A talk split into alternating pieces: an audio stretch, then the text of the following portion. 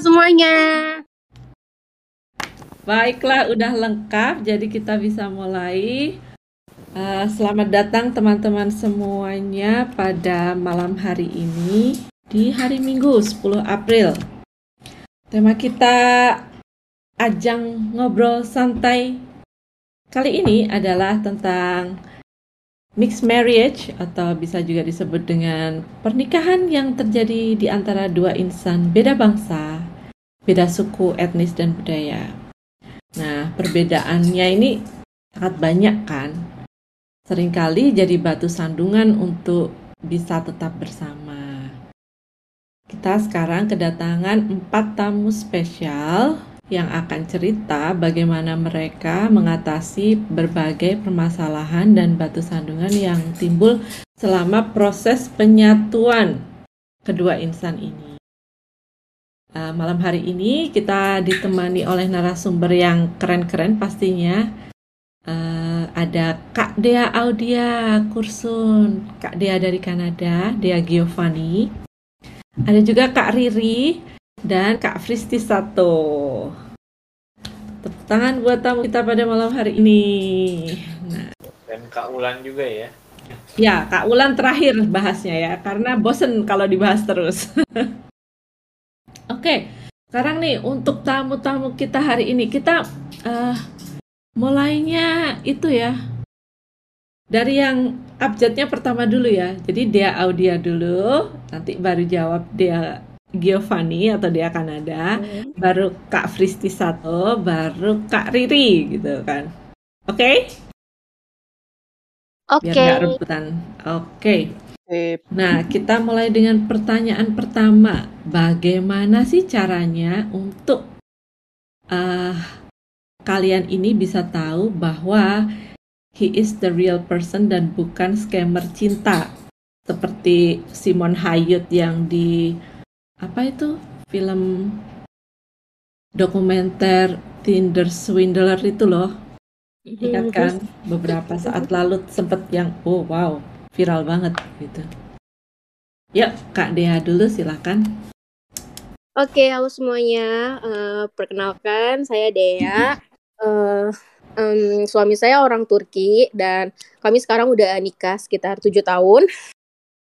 Oke, untuk pertanyaan pertama, um, buat tahu dia tuh bukan scammer apa bukan. Jadi um, awalnya aku sama suami itu kan bukan aku gimana ya bilangnya.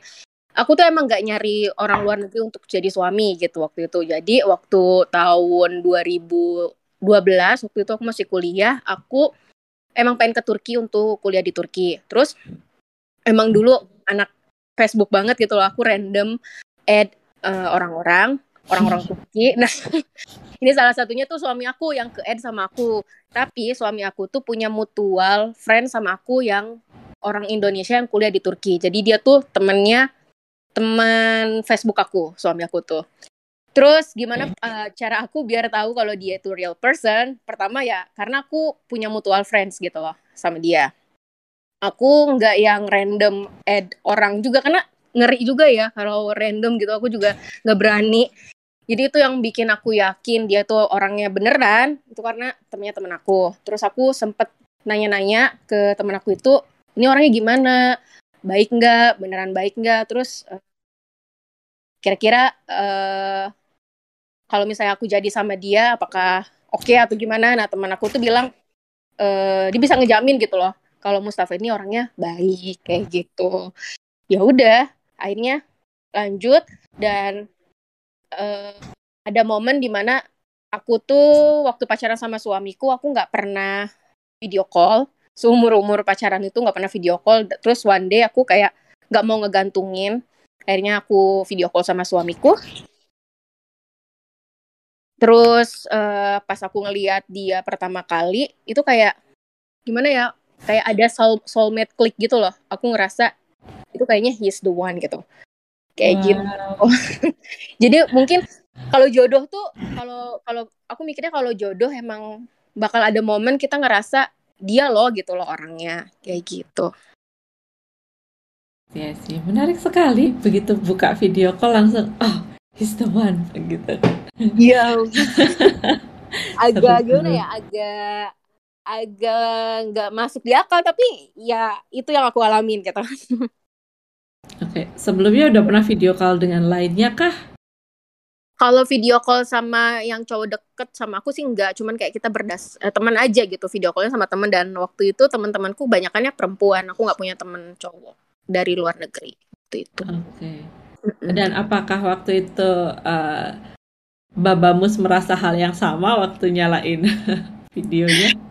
kalau Babamus itu emang udah dari awal eh, nge-accept pertemanan aku di Facebook itu udah ngerasa aku bakal jadi jodohnya dia gitu loh.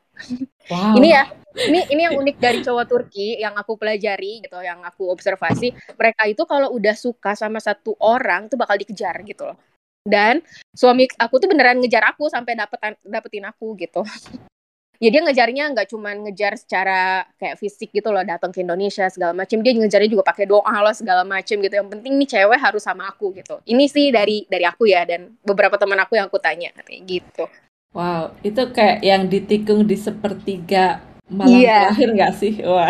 ya kayak gitu Oke, sekarang kita beranjak ke Dea dulu nih. Dea Giovanni. Boleh cerita? Kok Halo. bisa dia itu bukan scammer cinta sih? Um, Oke, perkenalan dulu ya. Um, halo semuanya, nama aku Dea, aku di Kanada. Um, kita dua Dea yang berbeda dengan Dea yang sebelumnya. Um, cowokku itu orang Kanada. Kita sekarang sudah uh, empat tahun, nggak nikah sebenarnya.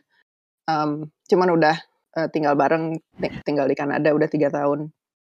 Terus um, kita ketemunya dulu sebenarnya di Amerika. Jadi dari ketemu tuh udah udah um, secara orang pas Hmm. pertama kenal gitu nggak nggak nggak ketemu online Oke. Um, pas ketemu di Amerika itu lagi ada event karena aku uh, volunteer di um, ada sebuah uh, video game online dari kecil terus um, dia juga volunteer di situ tapi kita dua departemen berbeda jadi nggak pernah uh, nggak pernah ketemu. Terus tiap tahun tuh ada acara di Amerika. Jadi semua terbang ke um, Amerika terus seminggu barengan. Nah di situ kita ketemu karena waktu di Amerika di schedulein bareng ininya apa pas ada eventnya itu. Kita duduk bareng terus aku pikir ya 8 sampai 10 jam sama dia melulu ya udah ngobrol deh. Terus ternyata enak em, kerjanya enak bareng sama em, ngobrolnya juga enak. Em, akhirnya setelah seminggu eventnya selesai udah aku balik ke Indonesia dia balik ke Kanada tetap ngobrol video call tiap hari. Nah ini bedanya sama Kadea yang em, Audia ini aku kerjanya video call melulu sama dia. Jadi udah tahu dari dari pertama ketemu juga udah kelihatan ya mukanya beneran gitu nggak nggak pakai foto palsu atau apa. Em, dan memang orangnya beneran beneran orang gitu terus em, dan karena video call terus terusan sampai pokoknya sampai kayak aku tidur pun video callnya dibiarin nyala karena kan jamnya beda jauh tuh Indonesia sama Kanada beda 14 sampai 15 jam Mm-mm. Em, jadi kalau aku tidur dia bangun, kalau dia tidur aku bangun itu kita nyala aja terus video call dari situ kelihatan aku em, wah nih orangnya kayaknya beneran nih. Nggak maksudnya bukan kayak Tinder swindler yang cuman oh pengen duitku apa terus abis itu si- sibuk apa segala macam. Em, jadi dari situ sih pelan-pelan em, tiap hari video call melulu, terus ngobrol terus-terusan. Jadi tahu terus karena video call nyala melulu jadi kelihatan sekitarnya dia kayak gimana gitu kan apa oh dia punya anjing terus tinggal sama em, eh, kalau tinggal sama keluarganya em, jadi bisa lihat juga keluarganya kayak gimana dynamic em, antara mereka semua terus sudah habis itu nyambung nyambung nyambung saling suka walaupun online ya video callan doang terus akhirnya dia bilang em, dia ngaku ya sebenarnya I really really like you. Terus aku bilang oh my god sama. Um, dan awalnya tuh kita ngomongin tentang distance ya dulu kan kamu nggak apa-apa ini long distance so kita 14 sampai 15 jam. Um, dan aku nggak tahu kapan bisa ke sana atau dia juga nggak tahu kapan bisa ke um, Indonesia. Tapi kita sama-sama nggak apa-apa terus sempat ngomongin perbedaan umur juga karena ternyata sama-sama insecure karena dia itu sebenarnya empat tahun lebih muda daripada aku jadi waktu pertama um, naksir juga saling pokoknya saling ngomongin segala macam yang kita insecure aja. Eh aku tuh lebih empat, tahun lebih tua loh nggak apa-apa kan? Gitu terus dia bilang, aku juga empat tahun lebih muda kamu nggak apa-apa. Udah. Akhirnya jadi deh. Terus long distance dulu setahun sekarang uh, sampai akhirnya aku yang pindah ke Kanada dan sekarang sudah mau empat tahun bersama. Yeay. Jadi begitu Hey, ceritanya. selamat untuk thank Giovanni. Nah, sekarang kita lanjut ke cerita berikutnya. Ada Fristi. Fristi, boleh ya kenalan dulu? Halo, halo. Halo. Suaraku kedengeran nggak? Iya, kedengeran kok. Aku ini basic-basic nggak apa-apa ya, takut berisik. Oh iya, nggak apa-apa. Oke, Baik. baik loh. Ini ya tadi pertanyaannya untuk mengetahui apakah dia apa tadi namanya? Iya, bukan scammer cinta, real real person. Eh, ya udah perkenalan dulu. Halo semua, eh, aku Fristi. Hmm, suamiku orang Jepang, udah nikah kurang lebih lima tahun. Terus kita pacarannya LDR satu tahun. Udah itu apalagi ya awal, oh tadi ya awal ketemu itu aku tuh dulu ketemu sama satu sang itu dari Omiai. Omiai itu kayak macam apa ya Tindernya orang Jepang gitu tapi kayak lebih serius gitu langsung kayak kayak untuk tujuannya nikah gitu ke situ. Apa ya kayak apa sih namanya situs website perjodohan orang Jepang gitu lah Wah, pokoknya. Aku random banget waktu itu eh, ikutan si Omiai itu. Terus em, sebenarnya nggak langsung nggak langsung gimana ya nggak langsung kayak dapet lah istilahnya gitu. Jadi aku tuh sempat lupa aku punya akun di situ. Gara-gara kayak ah apa sih ini nggak nggak dapat maksudnya nggak ada yang menarik gitu. Terus kayak em, aku sampai lupa punya akun di situ. Terus tiba-tiba di email dapat notif ada message ah, dari yang di Omia itu kan. Terus mm, ya udah aku baca message-nya Eh, katanya dia kayak apa namanya aku mau ke Indonesia gitu katanya Eh, ini nggak mau ketemuan nggak katanya gitu maksudnya tolong eh, ini dong kasih tahu kayak tempat jalan-jalan yang seru gitu di Indonesia di mana gitu kan.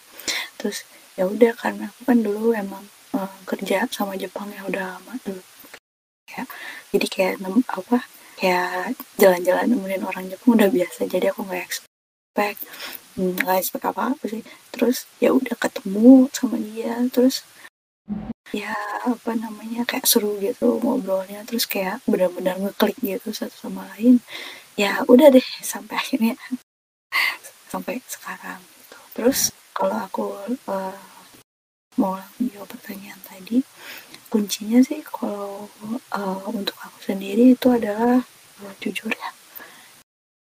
Em, jujur sama dia dan jujur sama diri sendiri. Jadi em, supaya kita tahu apa- apakah dia serius atau enggak sama kita ya jujur aja gitu. Jadi bilang gitu ekspektasi kamu ke dia apa misalkan gitu. Terus make sure juga dianya tuh ngerti gitu ekspektasi kita apa. Kalau emang mau serius apa namanya kalau emang kita pengen dia serius gitu sampai nikah ya bilang aja gitu maunya maunya serius gitu sampai nikah. Kalau enggak ya udah bilang juga gitu. Pokoknya kasih tahu ekspektasi kita tuh apa gitu ke dia. Terus bukan yang kedua sih masih lanjutan yang tadi jujur lagi tapi kali ini sama diri sendiri. Maksudnya apa? Jadi kalau udah kalau kita udah ngelihat red flag nih ya kalau udah mulai ini orang ini aneh gitu. Orang ini ada yang kayak aneh atau nggak serap gitu ya jangan denial gitu. Kayak makanya tadi jujur aja gitu. Jadi eh, kalau kayaknya kalau udah bisa ngelihat yang ada red tuh kayaknya bakalan ya dijauhkan lah sama yang si scammer scammer itu. Terus apalagi ya? Oh kalau misalkan kenalnya dari dating apps atau dari ya aku gitu ya website eh, internet gitu dan kita nggak punya mutual friends atau nggak ada apa em, jangan gimana ya eh, boleh mulai coba ngobrolnya mungkin dari chat dulu gitu ya ngechat dulu atau dari building relationship dulu lah pokoknya sambil ngobrol dulu nanti kan dari kata-kata dia kan kelihatan gitu orangnya kayak gimana. Terus kalau udah ngerasa nyaman gitu ya boleh uh, ketemuan tapi ketemunya harus di ruang publik yang banyak orang gitu itu sih terus hmm, apa lagi ya dari aku sih kayaknya itu sih Baulan Oke, itu dulu ya. Terima kasih Fristi sampai bisik-bisik ceritanya. ini lagi di luar Satu saja sudah tidur kah? ini aku lagi bisnis trip mbak lagi di Osaka aku Oh, oke oke oke. iya Oke. Kita lanjut dari Fristi ke Riri. Nah, Riri ini sedang ada di Malaysia. Yuk, Riri, boleh silahkan unmute langsung. Halo Kak Wulan dan teman-teman yang di arisan malam ini. Uh, perkenalkan nama aku Riri. Aku sekarang di Malaysia. Uh, kebetulan dapat suami Chinese Malaysia. Udah married kurang lebih tiga tahun. Uh, mungkin dari awal ketemunya ya biar gampang cerita ngejawab pertanyaan Kak Wulan. Jadi aku ketemu uh, sama suamiku dulu itu dari dating apps dating apps yang cukup terkenal tapi bukan Tinder. Jadi sebenarnya awal uh, di dating apps sebenarnya bukan cari pasangan, tapi lebih pengen uh, mengasah bahasa Inggris dan ketemu orang yang satu interest.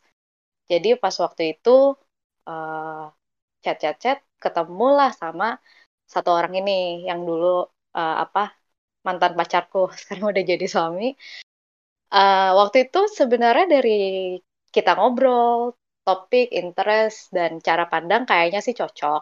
Dan waktu itu kayaknya baru sebulan, dua bulan ngechat, uh, cukup intens.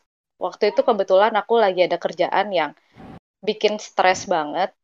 Dan waktu itu malam-malam lagi lembur, uh, capek pikiran, tiba-tiba aku kesambet. Mikir, aku mau solo trip aja deh ke Malaysia nyamperin dia. Sebenarnya uh, emang dari dulu pengen solo trip tapi masih belum ada triggernya.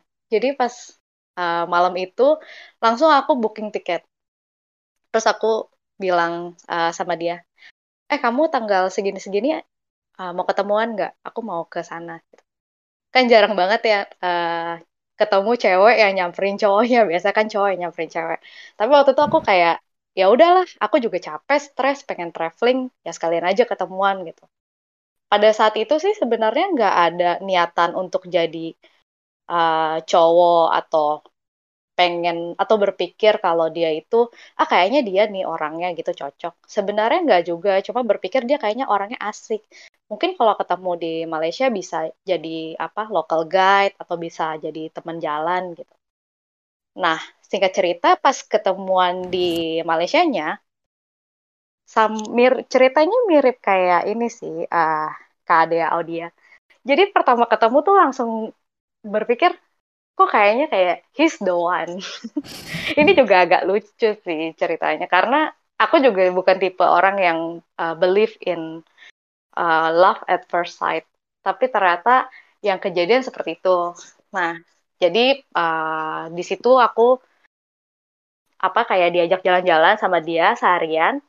Nah, pas malamnya aku sakit, uh, mah mah kambuh, mungkin kecapean juga, masuk angin.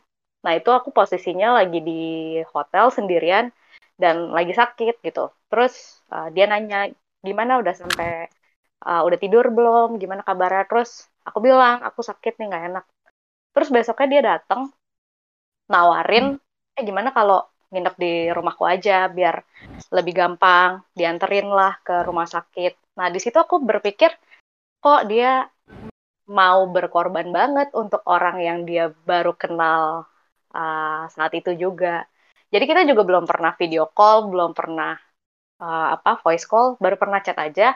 Dan di situ aku merasa sincerity-nya dia, gimana dia kok perhatian banget sama cewek yang dia baru kenal di chat aja. Nah, sejak saat itu terus kita di akhir trip kita uh, oke okay nih kayaknya kita bisa jalan lebih jauh nih uh, relationshipnya. Coba kita uh, try to make this take this in a serious more serious step. Nah, gimana caranya tahu dia nggak scam? Jadi waktu dia bal uh, dia kembali dia return ke Indonesia gitu ke tempat aku aku ngajak dia ketemu keluarga aku dan ternyata dua-duanya cocok. Nah, begitupun ketika aku ke tempatnya dia ke Malaysia itu aku langsung dikenalin ke keluarganya dia ke apa namanya uh, saudara-saudaranya dia yang tinggal dekat dengan dia di situ aku tahu oh emang dia serius untuk menjalani hubungan karena biasanya kalau orang yang nggak serius dia nggak akan bawa sampai ke keluarganya di situ aku langsung uh, percaya kayaknya aku bisa nih ngejalanin LDR ini kayak gitu kak oke okay. LDR-nya berapa tahun jadinya uh, tiga tahun Oh, lama juga ya. Oke, oke. Kita lanjut ke pertanyaan berikutnya ya. Atau ada teman-teman yang penasaran pengen nanya lainnya? Nggak ada ya? Oke, aku lanjut aja. Nah, tadi uh, sebenarnya aku mau tanya faktor yang bikin kamu yakin mau nikah beda negara, tapi kayaknya udah diyakinkan ya sama semuanya di sini. Terus yang selanjutnya nih, gimana caranya meyakinkan orang tua dan keluarga? Apalagi anaknya bakalan dibawa, nggak pulang-pulang, mungkin jarang ketemu gitu. Ya, mulai dari Dea dulu. Pertama kamu dibawa ke Turki gimana dia orang tua kamu? Jadi waktu pertama kali ngenalin Mustafa ini aku nggak ngenalin sebagai pacar. Aku ngenalinnya kayak oh aku punya teman orang Turki. Dan waktu setelah video call waktu itu kan uh, kita jadi komitmen ya berdua. Bener-bener kayak ngiket gitu loh uh, secara nggak langsung. Aku juga jadi nutup hati dan dia juga nutup hati. Ya udah lanjut. Terus uh, suamiku bilang um, aku pengen datang ke Indonesia gitu aku mau serius sama kamu aku pengen nikah uh, terus uh, kamu mau nggak gitu bilang ke keluarga kamu soal aku tapi aku juga takut ya karena posisinya waktu itu kan aku masih kuliah dan pasti nggak akan diizinin kalau misalnya langsung nikah gitu loh setelah lulus kuliah sama keluarga aku Terus aku bilang ke orang tuaku kalau misalnya ada temenku dari Turki mau dateng, mau main, terus uh, mereka kan kaget ya, of course kaget. Ngapain katanya ke sini? Terus ya aku bilang mau main aja gitu. Dan akhirnya uh, setelah sekitar 8 bulan, 6 atau 8 bulan LDR, Mustafa datang ke Indonesia. Di saat keluargaku semua tuh kayak nggak percaya sama dia, dia datang dia mengenalkan diri sebagai teman dekatnya Dea dan bilang kayak mau komitmen waktu itu dia uh, ngomong di keluarga besar aku dan mau serius sama Dea uh, diizinin enggak gitu akhirnya ya keluarga aku setelah kayak dia datang tuh kayak pada lulu. Awalnya kayak apaan sih gitu ini orang asing ya. Takut juga kan anaknya dibawa jauh terus takutnya nggak pulang-pulang. Walaupun walaupun awalnya aku bilang cuman temen gitu tapi mereka pasti curiga dong ini yang datang cowok gak mungkin kan temen-temen biasa gitu loh. Hmm. tapi setelah Mustafa datang kayak semua pada lulu akhirnya ya udah boleh pacaran tapi nggak boleh langsung nikah karena dia masih kuliah. Waktu itu aku kuliah uh, semester 6 kalau salah. Aku lupa deh. Pokoknya masih PPL gitu deh. Terus ya udah akhirnya uh, Mustafa balik ke Turki. Tapi pas dia balik ke Turki dia malah kepikiran. Kayak aduh aku nggak bisa LDR lama-lama nih. Terus dalam di sisi agama kita mikir ini dosa gitu loh walaupun kita LDR gitu kan. Uh, tetap aja ada ya gitulah ya kayak pacaran gitu walaupun jauh. Aku mau mau dihalalin mau halalin kamu aja langsung. Kamu bisa nggak bilang ke orang tua kamu kalau aku pengen nikahin kamu tahun 2014 wah aku bilang gila banget gitu loh. Aku aku dengan diizinkan pacaran sama kamu aja itu kayak effortnya gede banget. Apalagi udah apalagi minta untuk kayak nikah gitu minta izin nikah itu aku nggak kebayang sih. Tapi akhirnya setelah pertemuan dengan Mustafa akhirnya aku bilang lah ke keluarga aku tapi sebelum aku bilang Mustafa udah kayak ngirimin surat proposal perkenalan dan proposal kayak melamar gitu. Suratnya dia tulis sendiri pakai bahasa Indonesia dia minta tolong untuk translate terus dibaca lah sama tua aku. Terus uh, di saat itu juga kami video call dan Mustafa bilang saya mau ngelamar anak anda gitu. Kalau diizinkan boleh nggak menikah tahun 2014 setelah dia lulus kuliah gitu. Orang tua aku tuh ya gimana ya kalau misalnya udah kayak gitu ya kalau kalian udah siap dan kalau misalnya kami larang-larang juga nanti dosa ke kami ya udah gitu silahkan terus pas ngeliat juga pas ngeliat Mustafa ini hmm. orang tuaku kayak pada seneng karena anaknya baik ya Pak hmm. Indonesia juga baik banget gitu ke keluarga deket coba deket sama semua keluargaku sama teman-temanku dan ada satu pengalaman spiritual mamaku almarhum waktu itu mamaku tahun 2014 juga pergi haji sama nenek kakek sama bapakku Nah pas lagi naik haji itu di mamaku kayak ngeliat bayangan Mustafa lagi ikut tawaf gitu bareng mama. Kata mama, e, mungkin emang ini jodohnya Dea gitu. Itu secara spiritual ya mama mikirnya e, mungkin ini yang ditakdirin Allah untuk jadi jodoh anak saya kayak gitu. Jadi makanya mama jadi luluh gitu loh ketika Mustafa seperti itu teman-teman. Nangis nggak bapak ibu waktu ditinggal dia ke Turki? Oh mama, mama nangis banget. Seminggu nggak keluar kamar. Karena kan gimana ya walaupun aku sama almarhum mama sering berantem tapi karena aku anak pertama terus aku nikah langsung ninggalin mereka kayak ya sedih gitu. Apalagi mereka nggak bisa ngelihat aku nikah kan di Turki. Waktu itu aku juga bikin resepsi di Turki dan mereka nggak bisa datang karena masalah biaya kan ya baper banget setiap hari teleponan nanya kamu udah makan belum? Takutnya aku nggak dikasih makan sama Mustafa. Takutnya ya takutnya itu cowok nggak bener gitu kan. Eh, takutnya ya banyak lah namanya orang tua pasti overthinking apalagi orang luar negeri yang aku baru kenal dua tahun kita dari dua tahun. Ya pasti mikirnya ke mana-mana tapi insya Allah alhamdulillahnya Mustafa itu selalu komunikasi dengan keluarga aku bilang oh dia baik-baik aja kita makan Terus kita sering video call sama keluarga yang Mustafa juga ketika aku sama lagi sama keluarga yang Mustafa. Jadi ya begitulah. Wow, seru sekali. Terima kasih. Lanjut ke Dea. Dea Giovanni, gimana nih cara meyakinkan Mama? Kalau dia mau nyusulin si Akang ke Kanada. Halo. Kalau di aku, um, uh, ininya lebih rumitnya di di sisi aku sih karena aku kan yang orang Indonesia tahu sendiri kalau keluarga denger wah ceweknya mau ke cowoknya mau nyamperin cowoknya instead of sebaliknya kan rusuh tapi untungnya mamaku sama adikku nggak um, nggak se nggak seribet yang kupikirkan yang lebih ribet itu keluarga-keluarga yang extended family jadi um, tante-tante lah, sepupu-sepupu yang kadang suka pada, uh, yang bener aja nih belum nikah loh, masa udah udah ninggalin keluarga ke Kanada segala macem. Um, dan kalau di Kanada itu ada sistemnya kalau udah tinggal bareng selama kalau nggak salah minimal satu apa dua tahun tergantung areanya bisa ada relationship status namanya common law. Jadi dia kayak nikah tapi tanpa paperwork um, nikahnya tanpa harus beneran ke uh, punya apa sih biasanya sertifikat nikah ya namanya. Nggak tahu aku nggak pernah nikah. Tapi diakui negara kan common law itu. Ya hmm, common law itu diakui negara di Kanada tapi nah kalau di Indonesia waktu itu aku pernah renew paspor di sini apa perbarui paspor di sini mereka bingung ini common law ini apa? Terus aku jelasin kan oh iya ini maksudnya jadi udah tinggal bareng tapi um, belum belum nikah officially jadi itu kan aku harus kalau bikin paspor harus ini kan harus cantumin nomor um, kontak emergency. Nah, aku cantumin nomor kontak Nathan cowokku.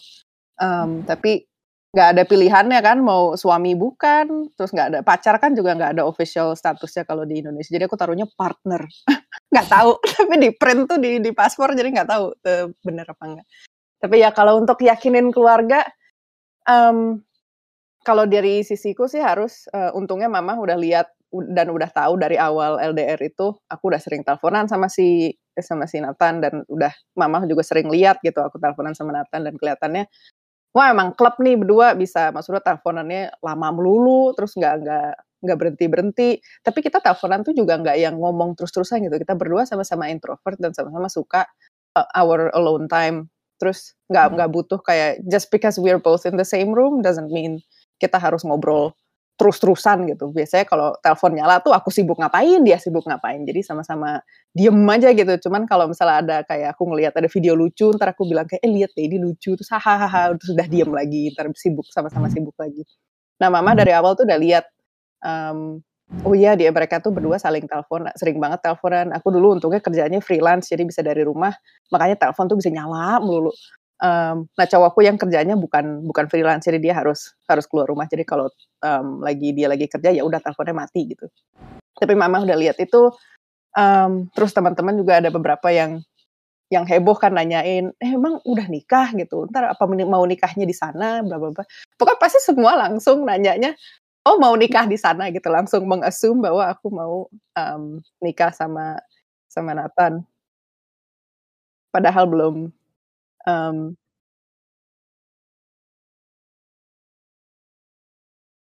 Oke.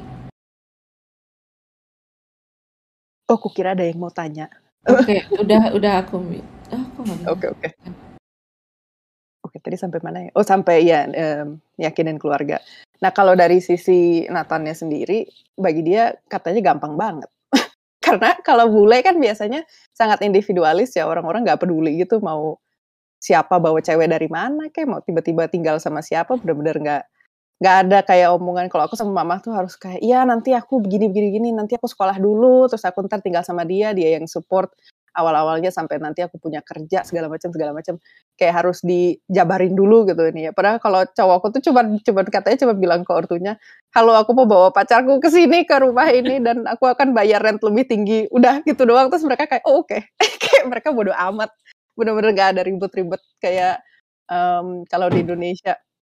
Um, jadi ya udah kalau bagi dari dia apa bener-bener sesimpel bilang apa um, aku ketemu cewek namanya Dea dia dari Indonesia dia mau pindah sini um, dan kalau boleh mau taruh dia di rumah ini tapi aku akan bayaran lebih tinggi kalau di kan kalau misalnya kita masih tinggal sama ortu um, biasanya tetap harus bayaran begitu udah umur 18 pasti disuruh bayar um, uh, bayar rumah gitu ikutan per bulan um, jadi nggak nggak nggak tinggal di sini rent free.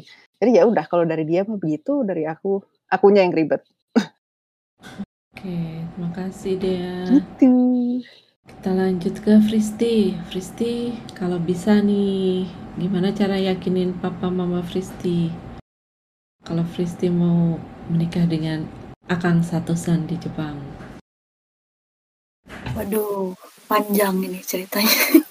Waduh, kita siap kok. Yuk. Sampai sahur ya teman-teman. Siap. Waduh, jadi aku sebenarnya udah apa namanya? Ini sebenarnya concern aku dulu waktu itu tuh ya. Uh, suamiku uh, si Yuta tuh ya.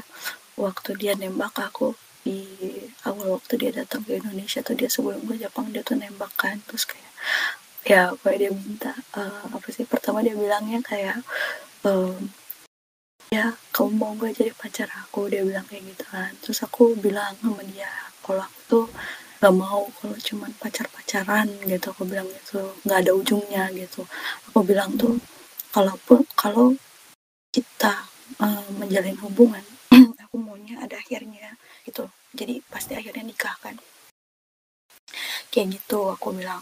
Terus dan aku langsung bilang sama dia kalau uh, ke tahap untuk menikah ini kayaknya akan susah di di aku di keluargaku. Soalnya kan keluarga aku sangat ya konservatif banget gitu konservatif muslim banget. Yang pastinya ya kali gitu masa anaknya nikah sama orang Jepang non muslim kan? Ya diapain gitu kan kesannya kan waktu dulu tuh. Terus um, ya aku bilang lah sama dia kayak gitu loh. Mungkin mungkin nanti kita akan ada masalah di situ istilahnya di keyakinan kayak gitu kan. Terus dia tuh waktu itu sempat diem sih maksudnya dia kayak mikir gitu dia sempat mikir. Terus dia bilang gini aku tuh sebenarnya uh, kalau jawaban kamu langsung enggak kata dia gitu ya langsung nggak mau gitu uh, aku bakal langsung ke pulang ke Jepang dan aku pengen lupain semua dia bilang kayak gitu. Tapi kamu tuh jawabannya tuh kayak gitu gitu. Terus aku jadi bingung harus gimana gitu. Terus aku uh, terus aku jelasin ya aku bilang kalau ditanya mau sih mau aku bilang gitu. Soalnya aku tuh cocok banget. Kayak tadi kan temen-temen kan ada berapa orang yang udah cerita begitu ketemu tuh rasanya klop gitu ya. Walaupun aku nggak expect untuk dulu ya waktu pertama kali ketemu dia aku nggak expect untuk beneran jadi. Karena itu kayak apa ya kayak miracle banget gitu istilahnya dulu aku. Um, ya terus um, akhirnya ya dia sempat pikir pas dia akhirnya nyampe udah pulang ke Jepang itu nggak berapa lama kemudian dia bilang ke aku hmm, ya aku serius katanya aku mau uh, nikah gitu. Aku mau nikahin kamu gitu. Dia bilang kayak gitu. Terus aku bilang um, tapi siapa apa namanya uh, mungkin aku udah bilang ya kemungkinan kemungkinannya apa aja gitu namanya kayak uh, yang pasti orang tua aku bakal minta minta kamu istilahnya untuk uh, jadi muslim gitu untuk syahadat gitu aku bilang kayak gitu. Dan um, bapakku tuh keras gitu kalau soal agama. Pasti ya nggak mau kalau cuman uh, kamu cuman asal gitu pasti dites aku bilang kayak gitu kan. Terus dia bilang ya aku coba belajar dulu. Terus aku bilang juga uh, kalau bisa sih pakai bahasa Indonesia ngobrolnya. Soalnya kan orang tua aku nggak bisa bahasa Inggris gitu kan dan nggak bisa bahasa Jepang juga. Terus dia dia nekat juga ya maksudnya dia belajar bahasa Indonesia. Jadi kalau nggak salah tuh dalam waktu tiga bulan tuh dia belajar sendiri belajar bahasa Indonesia terus dia ngapalin semua bacaan sholat dulu. Uh, terus dia syahadat di masjid Tokyo sendiri. Waktu itu baru akhirnya apa apa ya aku lupa jadi itu pas yang dia uh, ngomong itu tuh bulan Oktober. Nah pas bulan Januari dia uh, beneran datang ke Indonesia nekat gitu nekat mau ngelamar mau ngelamar aku. Nah waktu sebenarnya sebelum dia datang tuh aku ada ada sounding kan ke keluargaku dan aku udah tahu reaksinya pasti gimana. Jadi pas aku ngomong marah lah gitu apa bapak aku marah banget kayak apa-apaan mbak? Pokoknya langsung dimarahin gitu kayak apa kamu apa yang ada di pikiran kamu gitu sampai kayak gitu gitu pokoknya sampai uh, kok mau gitu nikah mau. Maksudnya aku bilang kan aku mau serius terus uh, orang Jepang ini udah mau uh, ngajak aku nikah gitu kan. Terus ya bapakku marah kan kayak gitu. Akhirnya ya aku berusaha bilang ya apa coba um, apa papa ketemu dulu sama orangnya kayak gitu terus ya bapakku dulu bener keras gitu lah. Pokoknya nggak mau ketemu sama suamiku sebelum dia jadi muslim dulu tuh. Alasannya gitu waktu itu. Pokoknya sebelum dia jadi muslim terus apa ya apa ya? Pokoknya sebelum dia jadi muslim dan uh, hap, pokoknya istilahnya uh, hafal semua bacaan sholat lah syarat itu waktu itu. Terus kayak gitu. Hmm. terus aku bilangin sama si Yuta terus dia take it as a challenge gitu waktu itu. Jadi dia dulu aku ingat banget dulu tuh dia tuh sampai ngapalin uh, fatihah doa iftitah. Aja dia hafalin gitu semuanya tuh kayak uh, jadi dia dengerin dari YouTube terus dia tulis pakai katakana satu-satu di katakanain itu yang bahasa Arabnya. Terus kayak diulang-ulang itu sama dia. Aku tuh ingat banget lah dia gila banget dulu belajar itu. Terus belajar bahasa Indonesia dalam waktu tiga bulan udah hampir native itu level dia padahal nggak pernah hmm. nggak hmm. pernah ngambil kelas bahasa Indonesia nggak ke ke Indonesia juga cuman dua kali. Dan cuma sebentar doang kan nggak nggak ini. Dia belajar sendirian benar-benar belajar sendirian. Pas datang tuh pas dia datang wah aku inget dia datang bawa sertifikat dari masjid Tokyo. Sertifikat muslim. Pak terus dikasih nama Islam kan katanya. Nama dikasih nama Islam gitu Muhammad Yuta Ihsan gitu nama, nama muslimnya gitu kan. Pokoknya di situ ada hmm, tulisan kalau uh, apa dia udah apa, uh, jadi muslim gitu. Pada tanggal berapa berapa terus kayak ada cap sama tanda tangan si ini masjidnya kan kepala masjidnya gitu.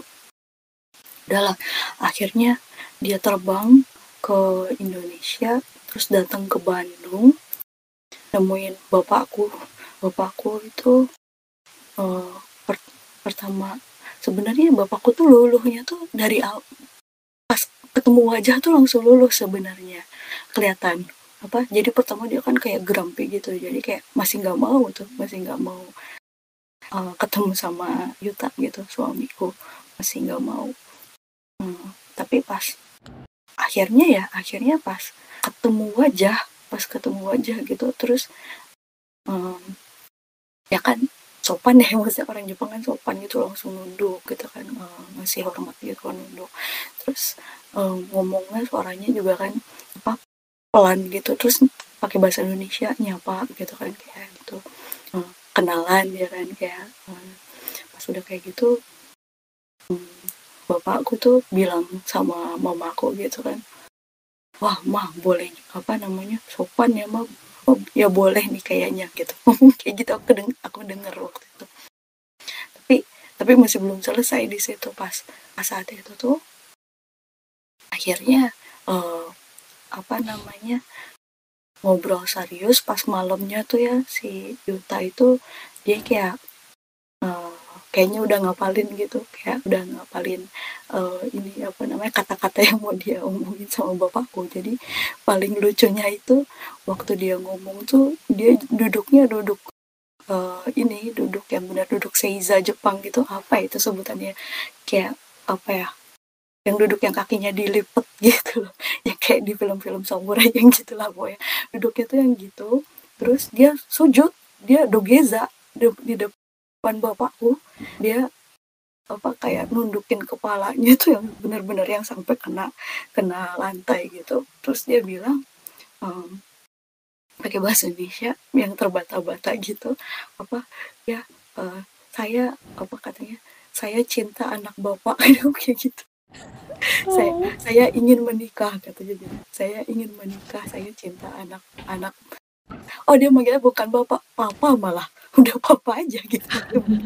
Ya, udah manggil papa aja boleh gitu kan gitu. Terus sambil dogiza sambil kepalanya sujud sampai disujudin beneran gitu kan kayak bener kayak samurai kayak lagi mau ngadepin kaisar gitu lah pokoknya. Terus um, itu bapakku panik gitu. Mbak mbak mbak mbak, mbak uh, ini apa uh, apa namanya suruh suruh berdiri maksudnya jangan ini kenapa sujud? Gitu. Ini bawa sujud jangan suruh angkat kepalanya panik gitu kan mau angkat kepalanya. Terus suamiku katanya nggak mau ngangkat kepalanya sampai bapakku bilang iya. What? Oke. Okay. so, dia bilang gitu.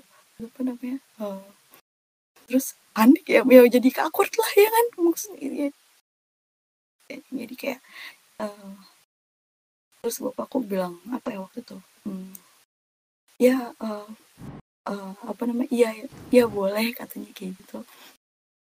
Tapi ada syaratnya waktu itu dikasih buat uh, syarat gitu sama bapakku. Ya kamu katanya um, pertama kamu harus yang jadi jadi muslim yang beneran gitu. Dia bilang kayak gitulah istilahnya.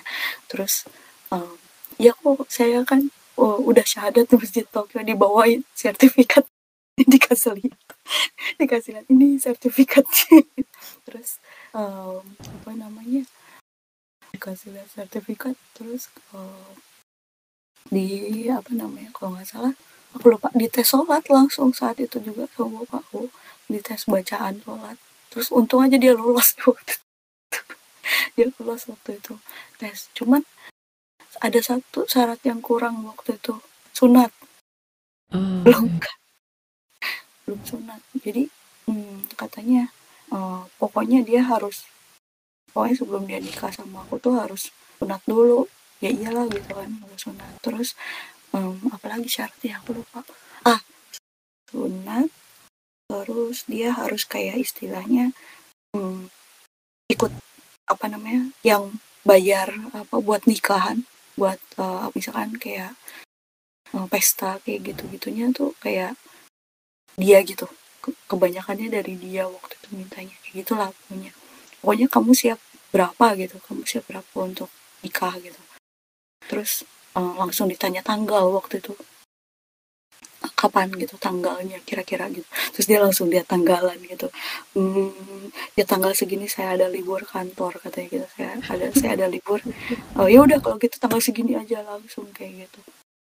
Udah beneran hari itu juga terus pas habis ya tuh pulang ke Jepang ya itu tadi langsung sunat. Langsung sunat. Kasihan lah kasihan banget ya ampun. Kalau aku ingat-ingat tuh ya. Jadi dia tuh habis itu tuh dia kayak cuman libur cuman dapat dikasih libur dua atau tiga hari gitulah dari habis operasinya itu. Itu kan tapi masih masih sakit lah bayang gimana gitu.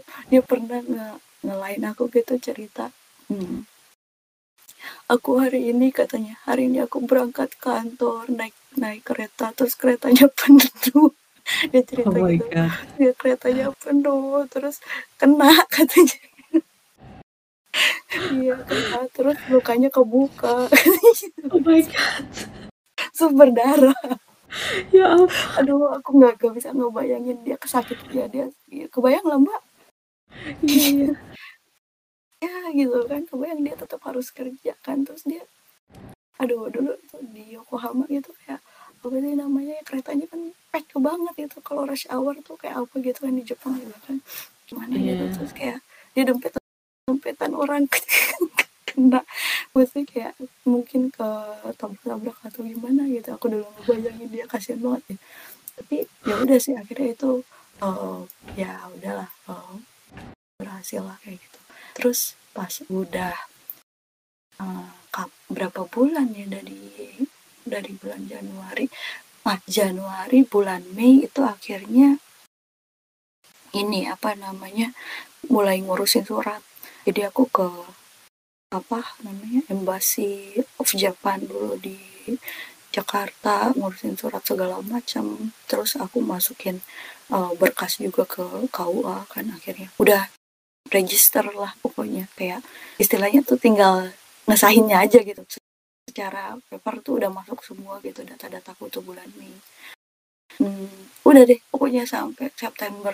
Cuman kalau aku ingat cara dia meyakinkan orang aku sih dengan effort sih. Jadi kayak apa orang tua aku tuh ngeliat gitu. Kayak ini tuh dia orangnya serius banget dan gak main-main. Soalnya kayaknya tuh ya orang tua aku tuh karena mungkin gak ngerti kali ya dipikirnya kayak orang luar negeri atau bule gitu ya.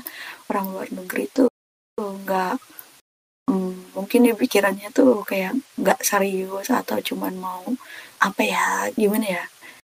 Kayak em, mungkin anggapannya begajulan kali ya apa gitu ya kayak di film-film itu mungkin anggapannya begajulan. Tapi begitu dia lihat suamiku dogiza gitu ya sujud gitu ya terus kayak serius gitu ya minta minta nikah gitu kayak malah jadi kaget gitu. Oh ternyata kayak gini gitu ya. Ya kayak gitu sih. Jadi kayak memang harus diperlihatkan sih. Maksudnya kayak kadang-kadang orang kan berasumsi kalau nggak dia nggak tahu kan. Jadi kayak harus dibuktikan gitu oh ini effortnya seperti ini loh. Terus kayak, nih orang ini serius loh seperti itu. Kalau dari keluarganya sendiri dari keluarga si suamiku ya cuek banget ya. Tau lah orang luar tuh kayaknya udah individualis gitu kayak udah sendiri-sendiri gitu. Jadi ya kan, dia random banget dia tuh nggak pernah nggak nggak bilang mamanya itu pertamanya tuh. Maksudnya kayak dia nggak bilang mamanya oh aku pacaran sama orang Indonesia gini gini gini. Nggak bilang dia tuh baru bilangnya pas udah lamaran pas udah dia ngelamar aku ke apa namanya ke bapakku tuh baru bilang sama, sama ibunya. Dia bilang gini mah apa namanya September aku mau nikah di Indonesia katanya gitu. Calonku orang Indonesia gitu namanya Fristi. Udah gitu aja. Terus mamanya panik gitu. Pertama katanya mamanya kaget gitu panik. Hah? katanya. Gak nikah sama orang Jepang aja gitu. Kenapa jauh-jauh nikah sama orang Indonesia gitu? Panik banget gitu. Masa tapi akhirnya apa ya? Tapi akhirnya mamanya ngomong ngomong gini sih katanya ya udah ini kan hidup hidup kamu gitu ya. Eh, yang penting kamunya eh, bertanggung jawab aja atas pilihanmu dan yang penting seneng aja. Udah mama mama cuman bisa istilahnya mendukung gitu cuman bisa support aja kayak gitu. Udah di beres maksudnya nggak ada nggak ada macem-macem dari keluarganya tuh udah cuma itu, itu aja. Dan jadi eh, papanya kan udah nggak ada jadi cuman mamanya aja kan. Jadi ya cuman mamanya aja. Ya udah akhirnya pas nikahan bulan September itu 2017 tuh yang dia bawa ke Indonesia itu cuman mamanya. Jadi dia bawa mamanya ke Indonesia nikah deh udah tapi kalau aku ingat dulu gila sih perjuangannya luar biasa banget sih untuk sampai ke situ untuk ngiyakinin orang tua aku dulu gitu deh mbak Keren sih, luar biasa banget pengorbanannya. Makasih Fristi udah cerita. Nah, sekarang kita ke Riri. Yuk Ri, kamu ada perjuangan nggak ini untuk meyakinkan kedua orang tua dari masing-masing pihak? Uh, kalau dari aku sih sebenarnya kayaknya nggak ada yang spesial banget ya. Kalau dari orang tua aku pribadi, mungkin karena aku uh, udah mau udah mau expired ya kalau kata beberapa orang. Jadi waktu itu udah hampir 30-an. Jadi pas pertama kasih tahu ke orang tua, ini loh ada cowok dari Malaysia mau nginep di rumah gitu karena dia mau uh, apa mau berkunjung ke Jakarta. Jadi awalnya tuh orang tua aku kayak, ah gimana gitu. Tapi kayaknya sih mereka nangkep maksudnya kalau ini tuh uh, kayaknya sih pacar hmm. aku gitu tapi aku nggak explicitly say kalau dia itu pacar aku terus uh, akhirnya uh, dia ting uh, apa stay di Jakarta beberapa hari jadi waktu itu kita selama LDR tiga tahun kurang lebih uh, kita saling kunjung-kunjungan setiap empat atau enam bulan. Jadi gantian misalnya bulan Januari dia ke Jakarta, aku bulan Agustus ke Malaysia. Jadi sebenarnya kita udah sama-sama kenal keluarga. Uh, dari orang tuaku sih bukan tipe yang apa ya komunikatif banget sih. Kayak papaku orangnya tipe-tipe yang pendiam terus uh, agak-agak serem gitu lah. Jadi dia nggak banyak omong. Terus uh, mamaku juga nggak ngomong uh, apa nggak setuju atau apa karena dia lihat juga uh, cowokku dulu oke okay juga maksudnya secara dari manner terus kelihatan juga kayaknya dia serius karena dia tiap diajak ketemu keluarga besar aku gitu misalnya ada nikahan atau apa dia mau-mau datang aja gitu. Nah, mungkin aku cerita yang agak lucu aja kali ya. Kalau dari tadi kan agak serius. Jadi uh, sebelum uh, cowokku uh, mungkin sebut nama aja ya biar gampang ya. Dia namanya James. Jadi sebelum si James ini uh, apa minta izin ke orang tua aku, dia udah nanya ke aku, uh, eh mau mau nikah nggak gitu. Terus uh, udah kita sama-sama setuju. Tapi aku dulu mungkin karena LDR juga ya nggak merasakan yang namanya proposal gede-gedean. Jadi cuma nanya aja mau nikah nggak? Ya ya udah yuk yuk gitu. Jadi cuma gitu doang. Dan uh, sebulan kemudian emang dia udah jadwal ke Jakarta. Terus sebelum sehari sebelum bilang dia ngomong ke aku uh, I think I want to talk to your parents about our plan to get married. Terus aku bilang ya udah ngomong aja gitu. Nah waktu itu posisinya itu pas dia ngomong ke aku tuh hari Sabtu Sabtu malam dan dia pulang besoknya hari Minggu Minggu siang gitu. Nah hmm. Jadi tuh tadinya udah rencana ngomong Minggu pagi sekitar jam sembilanan tapi ternyata minggu pagi tuh tiba-tiba orang tua aku pergi gereja. Jadi jam 9 sampai jam setengah sebelasan. Terus udah panik dong kita berdua. Ah gimana nih? Kan bentar lagi uh, dia harus si Jess harus balik ke Malaysia sedangkan uh, mama papaku masih di gereja. Kita kapan nih ngomongnya gitu. Terus akhirnya ya udah mungkin pikirnya ya udah deh ngomong di rumah aja gitu. Ngomong santai gitu. Gak taunya papaku pulang gereja tiba-tiba dia ngajak. Eh ayolah kita makan ini makan di mall. Kan si James mau pulang kan. Terus kita panik akhirnya. Nggak aku nggak panik sih dia yang panik. Gitu eh gimana nih kan aku mau minta izin tapi kenapa malah makan di mall? Karena habis itu rencananya uh, dia mau langsung di apa diantarin ke airport. Terus udah akhirnya ya udah makan di mall. Terus udah udah mau selesai makan terus dia lihat-lihatan sama aku uh, ngirim sinyal kayak ngomong sekarang nih apa gimana? Terus aku bilang ya terserah terserah lo lah. Terus akhirnya itu di mall yang rame-rame uh, orang lalu lalang terus akhirnya dia ngomong. Kayak kayak agak terbata-bata juga sih. Ya mungkin dia nervous ya. Kayak hmm. dia aku juga agak lupa sih dia waktu itu ngomongnya apa. Pokoknya intinya uh, dia mau nikahin aku boleh nggak gitu. Sama uh, papa mama aku. Terus papaku kayak waktu itu seingat aku dia sampai dia diem gitu.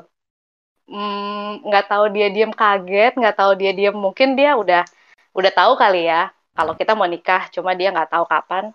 Terus dia kayak diem agak lama gitu. Terus kita berdua aku sama James lihat-lihatan ini gimana ya gitu. Ini kedengeran gak sih? Kedengeran gak sih tadi ngomong apa? Apa diulang lagi gitu? Tapi kan aneh gitu.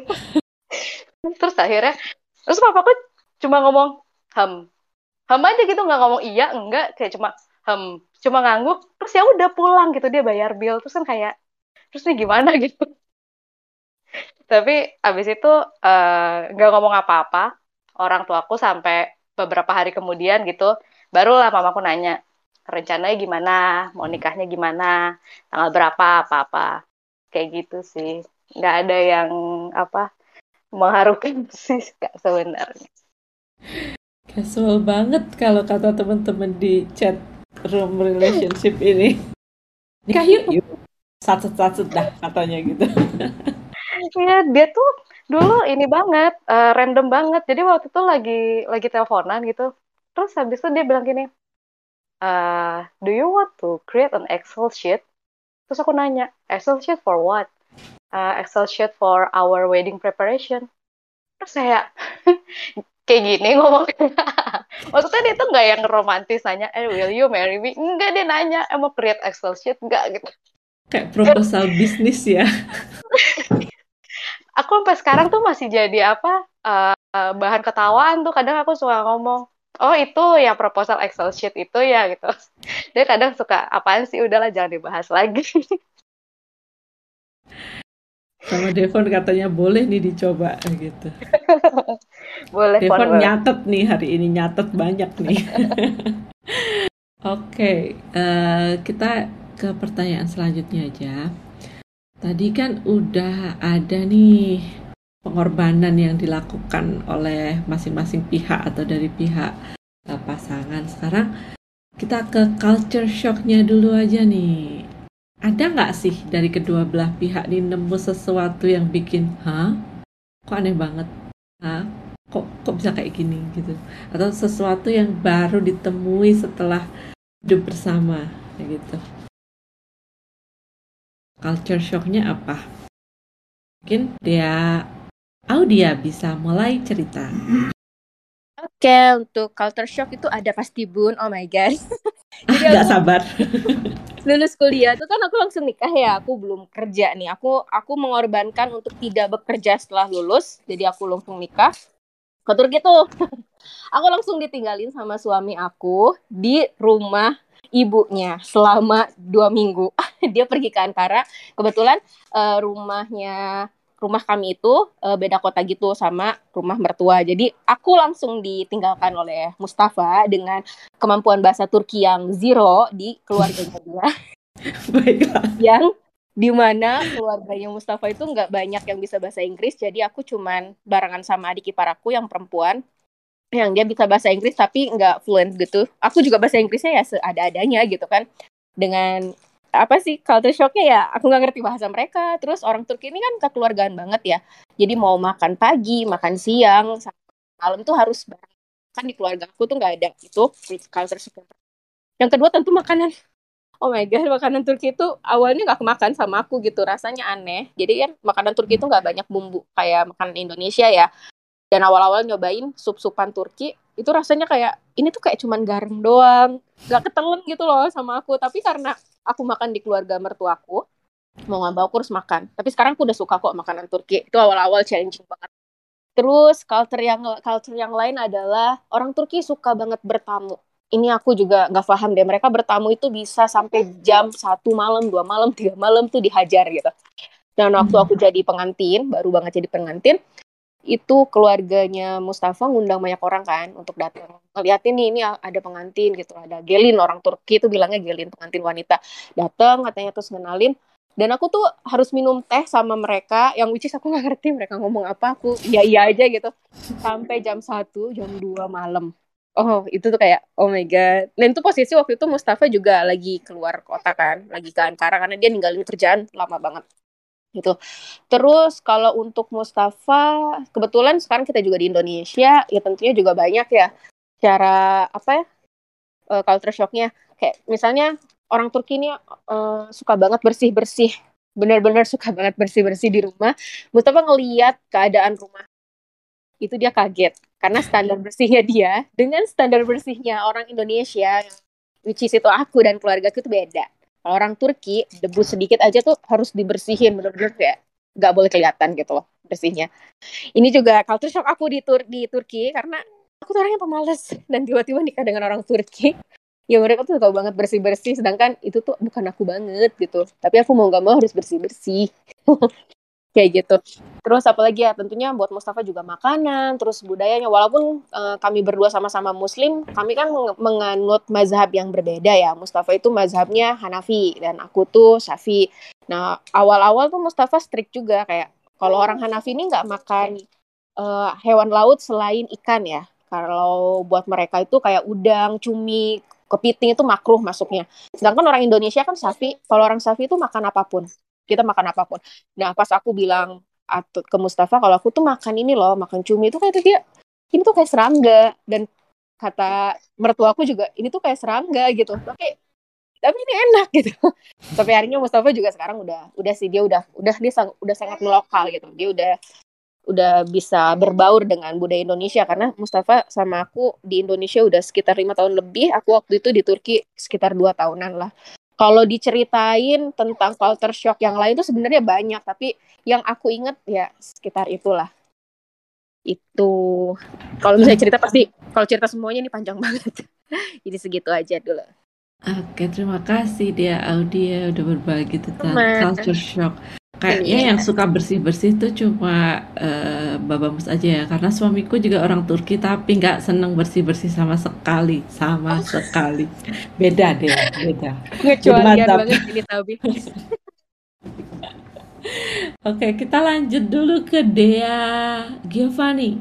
Oke, Dea, adakah kekagetan kamu setelah bersama-sama dengan Nathan? Like, ini apa gitu? Aku nggak paham. Uh, mulai dari mana ya? Banyak banget tadi. Yang Kalo paling lucu deh. Um, oh, yang probably yang paling aneh kalau dari sisi Nathan ya. Um, ngelihat aku itu paranoid banget, takut kemalingan, takut apa karena kan kebiasaan di Indo ya di Indo itu kalau misalnya bawa barang um, kayak tas gitu tuh harus selalu di depan mata gitu. Aku nggak bisa pakai tas backpack di Indo gitu. Aku tuh takut banget pasti ntar kecopetan lah apa. Jadi um, selama di Kanada tuh kadang kalau lagi jalan sendirian aja tuh aku tengok-tengok kiri kanan gitu lihat lihat udah ngikutin gak ya? Atau ada yang tiba-tiba uh, creepy gak ya di belakang atau apa gitu. Terus um, si Nathan tuh gak ngerti sama sekali kenapa aku separanoid ini. Terus aku tuh bilang ke Nathan oh my god kamu tuh kalau tinggal di Indonesia sebagai perempuan kalau jalan ke mana-mana sendiri tuh harus waspada banget. Bahkan kalau misalnya naik taksi atau naik apa pun tuh benar-benar harus waspada banget. Apalagi kalau aku juga nyebrang jalan aku tuh takut banget nyebrang jalan waktu di Indo. Um, jadi waktu di di apa di di Kanada itu kalau Kanada tuh well di di kotaku ya, aku tuh di kota kecil jadi um, trafficnya juga nggak nggak nggak parah-parah, maksudnya jauh jauh lebih lebih quiet daripada uh, Jakarta. Aku dulunya di Indonesia di Jakarta. Um, terus waktu di pas di sini tiap kali nyebrang jalan tuh aku pasti lari, nggak mau yang namanya jalan. Bener-bener walaupun ada lampunya gitu, lampunya tuh udah hijau gitu lampu buat buat nyebrang jalan tuh aku langsung lari. Terus si Nathan tuh bingung ngapain sih lari Gak usah gak usah cepet-cepet gitu loh. Kalau misalnya kalau kan maksudnya mobilnya bakal berhenti gitu. Terus aku bilang, aduh nggak tahu ke bawah dari kebiasaan di Indo kalau nyebrang tuh pasti dikelaksonin, disalahin apa segala macam. Jadi aku takut.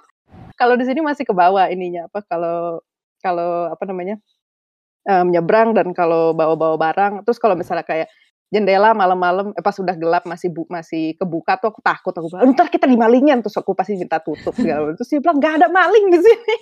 Di sini tuh sampai orang-orang tuh jarang nutup pintu apa sih kunci kunci pintu rumah karena saking amannya gitu. Tapi aku kayak aku nggak bisa. Aku harus kunci segala macam tutup segala macam uh, jendela. Di sini juga kalaupun apa orang tidur tuh jendela pasti dibuka uh, kecil gitu masuk kalau misalnya lagi lagi udaranya lagi enak gitu jendelanya dibuka aja biar angin tuh masuk. Tuh aku kayak itu nggak takut kemalingan karena jendelanya tuh nggak ada nggak ada pagernya nggak ada trellisnya gitu. Jadi kalau jendela dibuka ya maling bisa masuk begitu aja. Terus tapi kata Nathan tuh enggak kok aman di sini. Terus aku bilang enggak enggak. Aku kayak gak bakal tenang tidur kalau jendelanya dibuka. Itu yang paling paling apa paling Nathan kagetin dari aku tuh seberapa paranoidnya aku sampai kayak sekecil-kecilnya tuh aku pay attention kayak aku gitu, aduh HP masih ada nggak, dompet masih ada nggak, terus si Nathan bilang masih masih ada nggak, nggak usah nggak usah paranoid. Sampai sekarang sih udah udah tiga tahun masih ini, masih masih takut banget kalau kalau apa namanya pergi-pergi tanpa ngecek-ngecek segala macam. Um, terus um, kalau dari akunya yang di sini juga sama kayak kayak uh, Kadea yang Turki makanan aku masih masih susah. Nggak susah sih ya masih kaget aja setiap hari. Ternyata makanan Kanada itu beda. Ya sudah pasti beda sih ya orang bule. Uh, beda banget dari Indonesia. Nasi itu jarang di sini. Jadi apa apa tuh makanannya kentang atau uh, terus di Kanada ya specifically saus tomat itu populer banget di sini nggak tahu kenapa. Apa apa dimakan pakai saus tomat. Sampai ada potato chips keripik kentang cemilan-cemilan itu rasa saus tomat apa coba aku sih biasa aja sama keripik kentang rasa saus tomat tapi Nathan tuh suka terus kalau makan mac and cheese dipakein saus tomat segala macam ternyata aneh bagi bagi orang-orang lain dan orang-orang kayak Amerika gitu ngedenger hah mac and cheese pakai saus tomat aneh banget ya. Pokoknya apa pun dikasih saus tomat di sini. Aneh banget. Terus oh iya terus sambel aku tuh kalau kalau di Indonesia kalau makan sambel eh makan makanan yang pedas tuh aku termasuk payah banget kalau misalnya makan pedas sedikit kepedesan sampai harus uh, berhenti dulu makannya pokoknya nunggu aku calm down dulu baru habis itu makan lagi lanjut lagi makan pedas. Walaupun aku suka pedas. Um, terus begitu sampai sini kan kalau bisa datang ke restoran gitu suka dibilang oh ini spicy. Gitu terus aku tanya ini spicy apa? Terus mereka bilang normal level gitu. Terus aku pikir oh ya udah aku order. Ternyata kagak ada spicy spicynya sama sekali bu. Padahal bagi standar orang Indonesia, standar kepedesanku tuh udah udah udah jelek banget gitu bagi orang orang Indonesia. Ya. Iya udah cemen banget ini ku pedesku. Jadi aku kalau orang orang Indo biasa makan pedes tuh aku udah yang ke huha huha udah merah merah segala macam. Sedangkan di sini makan pedas tuh kayak ya ampun harus beli sambel yang tulisannya tuh super hot atau apa pokoknya yang lebay banget deh tulisannya padahal begitu aku cobain lah ini mah pedasnya pedas Indo baru nih yang yang bener-bener super hot segala macam beda banget deh. Nathan juga nggak tahan pedas pula kalau aku makan sesuatu di sini tuh ada sambal pedas namanya sriracha dari mana ya? Tuh dari negara bukan dari Kanada kok dari kayak Thailand apa dari mana ya? Nggak tahu aku juga. Um, ada iya terus di sini kalau ada Indomie Indomie pedas ada apa sih namanya itu tuh? Mie ABC kalau nggak salah. ABC pedas something aku lupa namanya. Ada dijual di sini. Terus aku makan itu nah itu tuh pedasnya bagi aku udah mulai sakit tuh udah sampai sampai sakit. Terus Nathan tuh nggak ngerti kalau ngelihat aku makanan itu dia bilang ih aku nggak tahan. Dia nyoba satu apa tuh satu garpu. Uh. udah mati dia bilang kayak kok kamu bisa sih makan itu terus terusan sih? Aku kayak nggak tahu kok kangen pedesnya Indo gitu. Di sini kan nggak ada nggak ada um, pedas Indo sampai situ. Sama di sini manis-manisan tuh manis banget. Apalagi kalau di Amerika ya. Amerika lebih parah lagi. Cuman um, kalau di Kanada sendiri sih nggak begitu parah karena aku udah nyobain eh, apa manisnya um, Amerika. Bahkan maksudnya kalaupun manisnya satu brand gitu kayak Rice Krispies waktu aku ingat kalau nggak salah di Singapura Rice Krispies itu nggak se semanis itu, tapi begitu di sini nyobain kok kayaknya hmm. kemanisan. Aku masih nggak bisa makan sereal di sini karena segala sereal kecuali cornflakes kemanisan bagi aku. Um, terus kayak kalau di kalau di Indo tuh rasa sereal biasa-biasa aja gitu nggak manis-manis amat. Tapi ya ini beda-beda beda beda beda apa kadar gulanya tuh. Jadi bikin susah kalau kita mau mau makan manis-manisan bareng gitu bagi dia. Oh ini enak. Tapi bagi gue udah kemanisan. Terus kalau kemanisan kan aku enak gitu makannya. Jadi dia doang yang dapat biasa senang-senang aja sih kalau karena jadi lebih dapat lebih banyak kayak es krim atau apa gitu bagi gue ini kemanisan. Terus dia bilang ya udah semua buat aku. Aduh. Banyak sih culture shock itu yang sampai sekarang udah udah tiga tahun empat tahun juga masih masih experience kok on the um, on the on the daily nggak nggak habis-habis kayaknya. Oke, okay, menarik sekali ya. Dan sebenarnya di Singapura sebentar lagi mau ditetapkan sistem level-levelan gitu loh dia. Jadi ada yang nggak manis, ada yang less sugar, ada yang normal.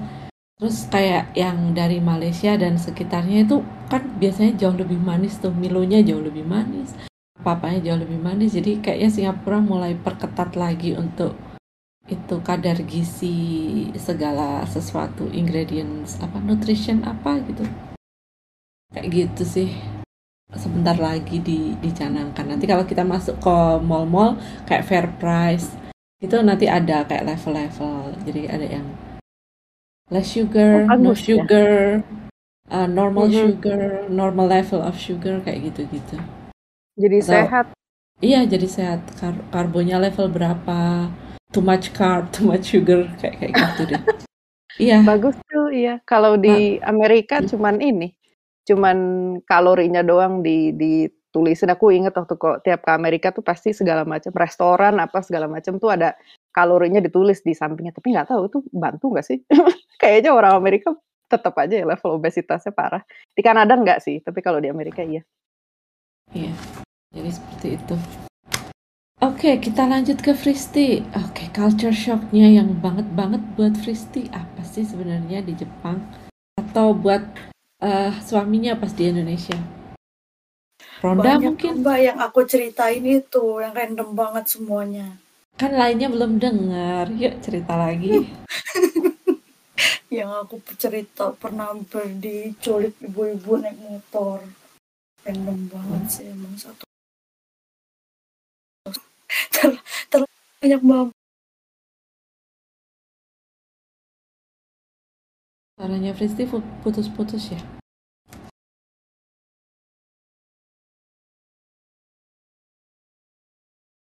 Hmm.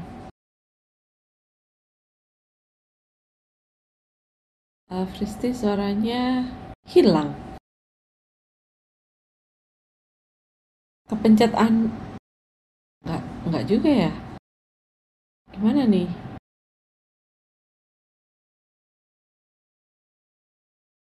Risti?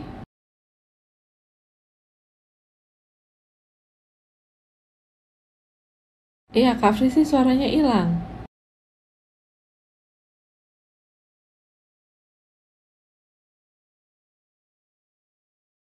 Tapi nggak nggak ke mute.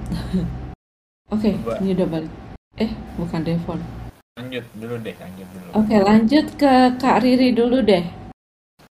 Riri sekalipun kita satu rumpun apakah kamu mengalaminya?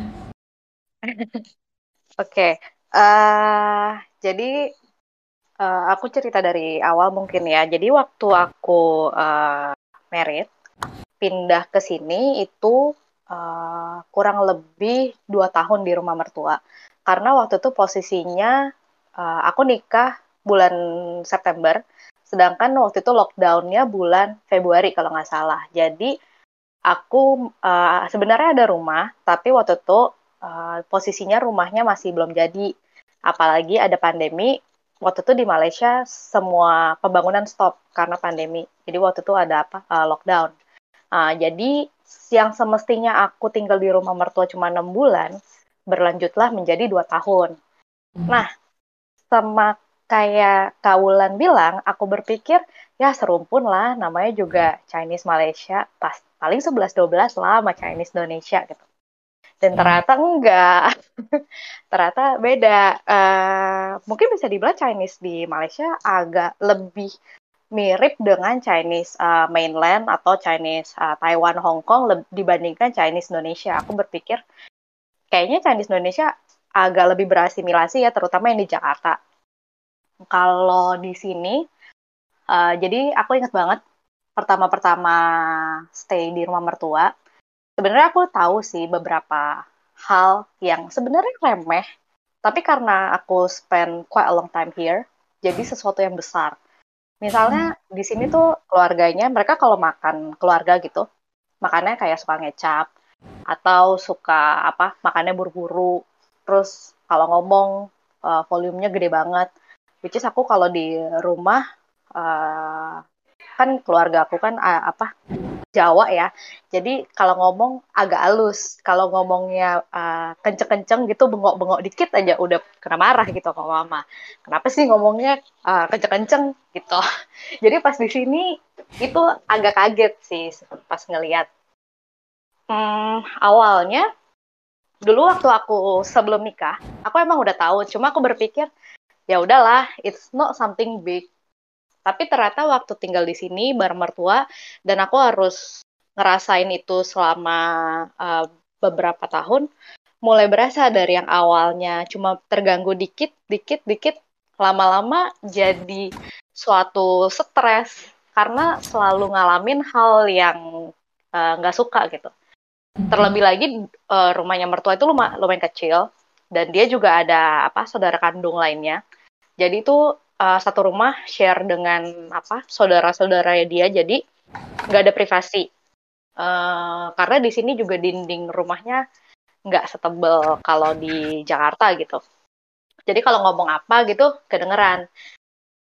Terlebih lagi mereka kalau ngomong kencang dan dinding rumah di sini lumayan tipis, jadi kalau ngomong pasti kedengeran. Jadi kadang tuh suka suka stresnya, udah mau tidur nih, udah mau tidur uh, cepet, eh mereka nonton TV kedengeran gitu. Tapi kan nggak bisa protes ya karena bukan rumah sendiri. Jadi ya udah ditahan-tahan sampai akhirnya ada satu titik uh, aku waktu itu uh, berasa meledak banget aku sampai ngebanting barang-barang di kamar. Jadi waktu itu nggak tahu kenapa malam-malam aku kayak merasa ini tuh di dalam apa di dalam hati tuh kayak ada yang pengen keluar gitu. Terus aku melepaskannya dengan melempar barang, ngelempar handphone, ngelempar botol minum, apalah yang ada di dekat aku tuh aku lempar. Terus sampai aku kaget. Tapi dia juga nggak bisa, dia juga diam. Jadi dia nggak nggak ngomong apa-apa, dia cuma ngeliatin. Terus uh, kayak aku sambil nangis nangis gitu bilang ke dia sorry ya uh, I'm like this because right now I'm really uh, under the pressure I'm really feeling depressed but I cannot do anything karena waktu itu masih lockdown nggak bisa ke mana-mana nggak bisa keluar rumah nggak di sini juga nggak bisa kontak temen uh, bisa nggak karena di sini pun kayak Kak Dea tadi di sini rata-rata ngomongnya uh, Chinese. Aku juga nggak ngerti dikit lah tapi nggak nggak bisa berol juga dengan mereka. Sedangkan mereka juga bahasa Inggris patah-patah. Jadi uh, aku kayak kekesalan muncak banget. Terus setelah hari itu besoknya dia mulai ngajak ngobrol pelan-pelan. Lu kenapa sih gitu. Terus aku cerita kayaknya sih aku stres karena ya ini unfamiliar uh, environment yang aku nggak expect. Karena dulu aku berpikir bisa lah untuk tinggal apa namanya bareng orang lain. Tuh aku dulu pernah ngekos nggak apa-apa kok. Tapi ternyata ekspektasi tidak sesuai dengan realita. Terus eh, hal-hal kecil seperti itu kalau setelahnya sih nggak ada. Mungkin karena udah udah lepas udah plong setelahnya nggak pernah ada kejadian uh, ngamuk-ngamuk gitu lagi sih. Kayak ya udah paling kalau aku suka komunikasi ke dia aku tuh nggak suka kalau uh, kamu tuh kalau makan tuh ngecap. Aku nggak suka kamu tuh kalau ngomong tuh kenceng-kenceng bisa nggak sih kecilin gitu. Nah, aku selalu komunikasi ke dia terus dia ya udah nerima dan dia juga ngomong ke aku dia nggak sukanya apa gitu dan setelah itu eh, nggak uh, ada yang major lagi ini kebetulan juga pertanyaannya uh, aku tanya juga sih ke dia tadi. Kebetulan aku uh, apa going through the question tadi ada dia juga terus aku tanya hal yang sama. Uh, kamu ada nggak sih culture shock gitu pas uh, married to me? Terus dia bilang nggak mm, ada sih, nggak ada yang gimana banget. Dia ngeliat semuanya mirip-mirip, makanannya juga mirip-mirip. Uh, dia bukan tipe yang picky eater juga, jadi dia bisa makan pedas untungnya bahkan lebih pintar makan pedas daripada aku. Uh, cuma waktu itu dia pernah datang ke Jakarta, dia bilang kayak yang dia masih bingung tuh macet sih. Dia kaget banget macet di Jakarta. Jadi itu aku ngomong sama dia.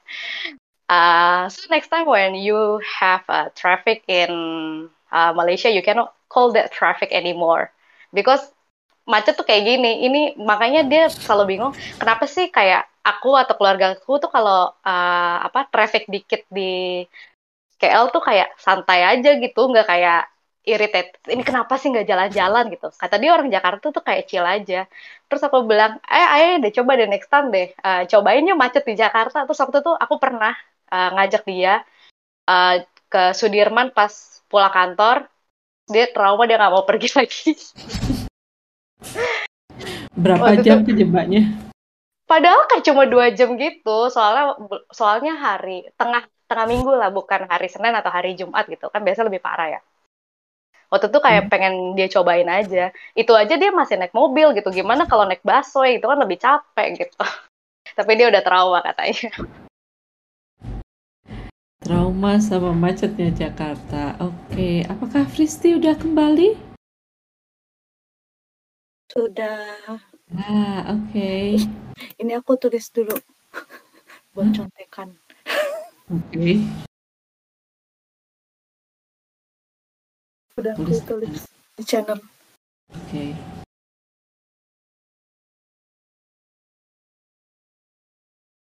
ya ini gimana? Lanjutin lanjutin culture shocknya tadi baik dari Fristi maupun uh, suaminya Fristi pas di Indonesia.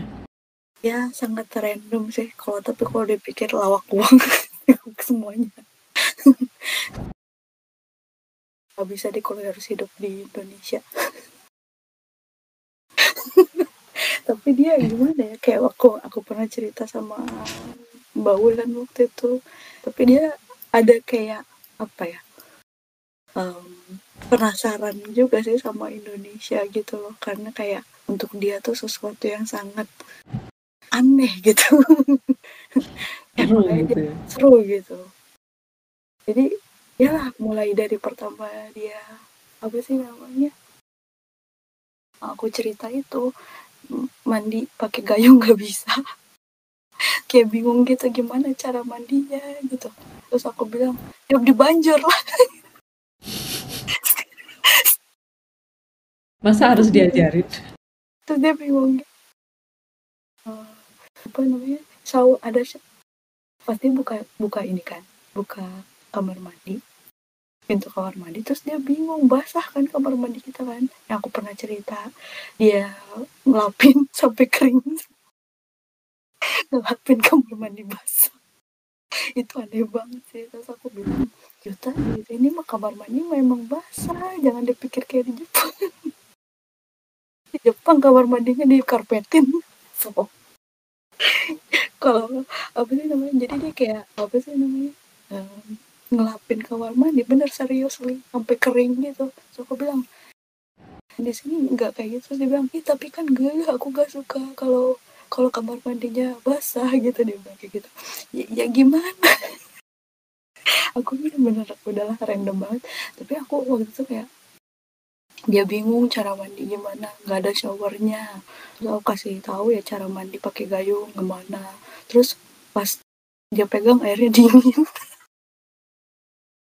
Ya aku bilang aku bilang maaf ya aku mah miskin nggak ada nggak ada ini nggak ada heater di sini.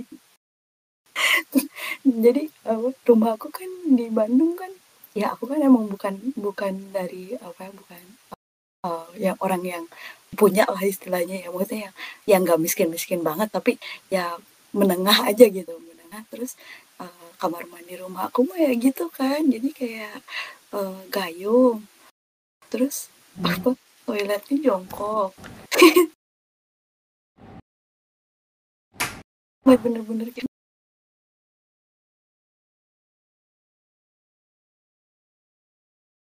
satu ini kan di Indonesia mah toilet sama dia tuh nggak bang nggak mau apa yang toilet itu sama kamar mandi.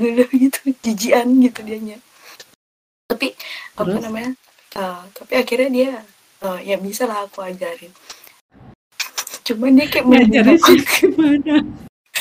Ngajarinnya aku nggak bisa bayangin. cara cara ya ya dia bingung gitu cara banjurnya gimana gitu kan. Terus aku bilang paling sering itu apa namanya kasihan tuh ini coba.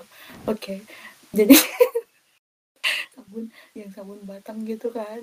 Uh, kayak kayak jarang kan biasanya kita pakai sabun batang. Terus ya pokoknya aku ajarin aja caranya. Terus ini sampo sampo nya tuh apa aku beneran waktu itu pakai sampo yang murah banget itu yang sasetan gitu yang biasa beli di warung tuh yang kayak apa sih sampo clear atau emeron gitu yang paling murah itu sampo Itu- yang udah sama kondisionernya itu ya 300 rupiah. Orangnya Fristi jadi keras banget. Keras banget. Terus apa sih namanya? Dia komentar apa coba. Eh, pas keluar dia bilang katanya aduh aku katanya lama-lama di sini aku apa namanya pokoknya eh, ab- abunai katanya gitu bahaya gitu. Aku bilang kenapa? gitu kan. Ya lah gitu kulit aku rusak. Maksudnya dia pas nyampe di Indonesia tuh langsung jadi kayak kering gitu kulitnya tuh Eh, jadi gimana ya jadi kayak gitu. Terus rambutnya jadi kasar.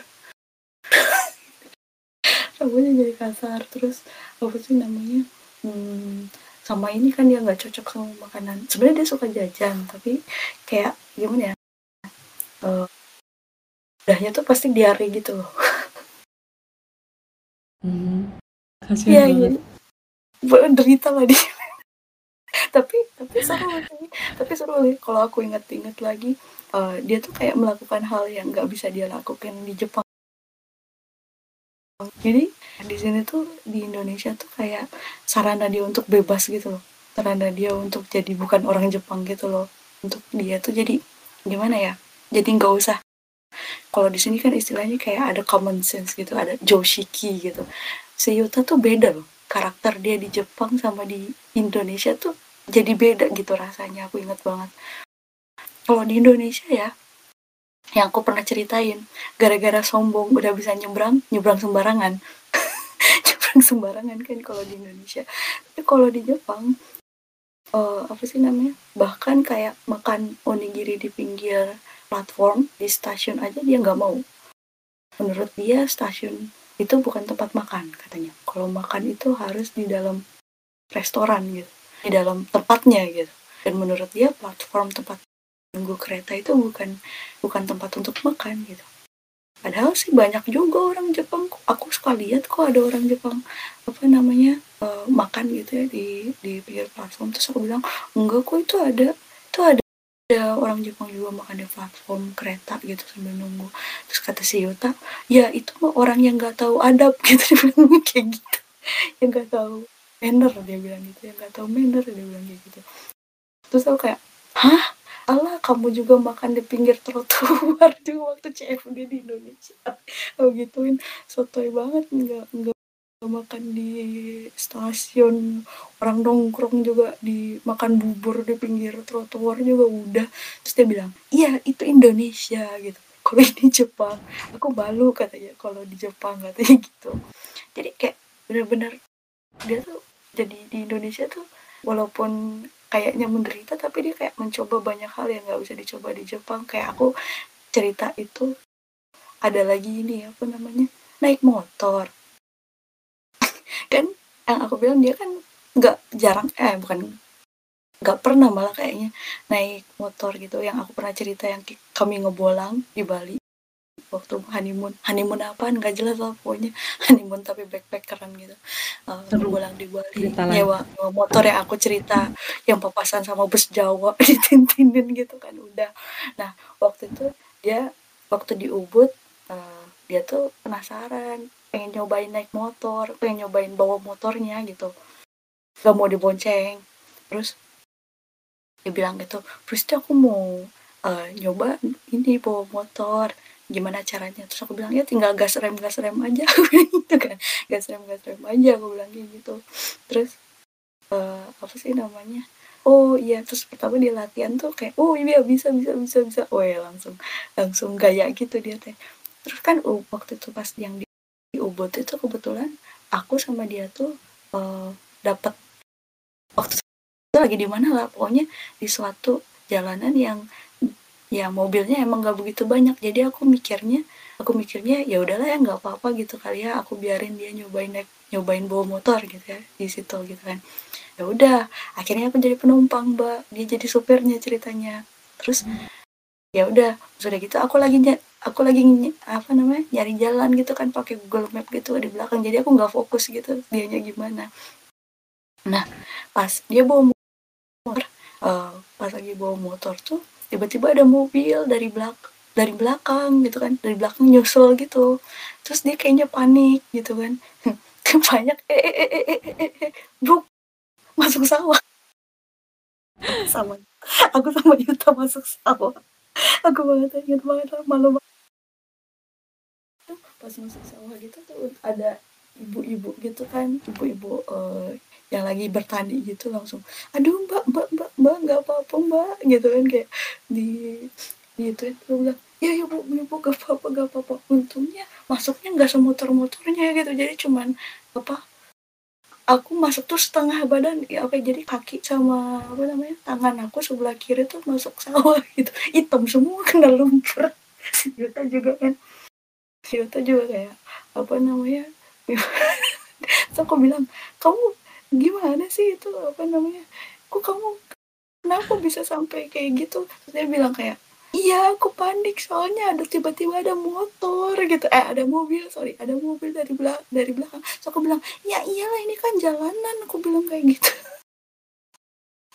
Ya ini kan jalanan nih pasti ada mobil lah. Panik tapi tapi ya habis setelah ke tapi setelah kejadian yang masuk sawah gitu masih penasaran dia pengen coba motor lagi gitu. Ya udah aku aku kasih aja aku bilang aku bilang e, ya udah gak apa-apa tapi kamu harus ini ya apa namanya hati-hati aku bilang kayak gitu. Jangan sampai masuk sawah lagi. Kalau masuk sawah mah nggak apa-apa kalau yang lain gimana? Gitu. Terus ya udah ya udah akhirnya dia akhirnya apa namanya bisa dia akhirnya bawa motor gitu. Tapi aku nggak kasih sih setelah setelah pokoknya cuma di Ubud aja aku kasih dia naik motor gitu. Setelahnya aku yang bonceng gitu aku driver. Itu macam-macam lah sih Yuta. Oh, waktu itu pernah ngapain lagi ya? Um, banyak lah hal-hal absurd. Apalagi kalau kayak kayak tadi ceritanya ya apa emang kayak nggak ada sense of apa sih namanya sense of safety gitu loh jadi kayak dia merasa seolah-olah semua seluruh negara tuh sama kayak Jepang gitu. Sembarangan jadi dia. Kayak kayak aku tuh kayak woi ini bukan Jepang gitu. Suka suka kayak gitu gitu. Jadi kayak apa sih namanya waktu itu tuh ngapain ya? Ini uh, biasa lah naro ini apa namanya naro dompet di di mana kantong belakang apa jeans celana jeans dompet dia kan gede. Atau orang Jepang kayaknya seneng pakai dompet yang gede-gede gitu bukan yang kecil gitu dompet itu gede ya. Jadi kelihatan setengah gitu. Dari apa namanya dari kantongnya gitu kan. Ya parahin lah gitu kan. Yuta kamu tuh mau itu menantang untuk diambil ya itu dompetnya aku bilang gitu maksudnya apa? Anda menantang untuk dicopet atau gimana? So, aku bilang enggak ini biasa aja gitu ini nggak boleh nggak boleh kayak gitu. Nih jangan main-main di sini aku bilang kayak gitu. Terus uh, ya aku parah lah mbak. Maksudnya kayak mulai dari itu uh, naruh dompet sembarangan HP sembarangan nyebrang sembarangan gitu kan. Dia yakin mobilnya berhenti kayak di Jepang. Mana ada di sini. Lu pikir di Jepang?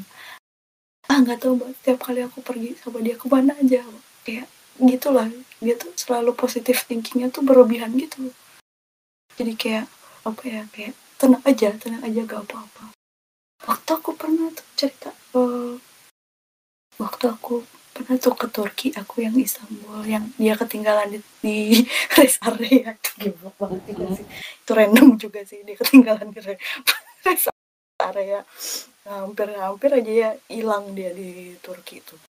Itu satu. Terus yang kedua tuh pernah yang di dekat daerah bandaranya tuh um, apa namanya aku lupa. Tapi kok kayaknya tempatnya tuh kayak nggak aman ya kalau aku ngelihatnya ya. Kalau aku ngelihatnya tuh jadi kayak ada banyak bapak-bapak gitu ngerokok di pinggir jalan gitu terus ngeliatin kami gitu. Aku sama dia. Jadi kan pendek ya sih itu kan kecil gitu kan. Terus imut maksudnya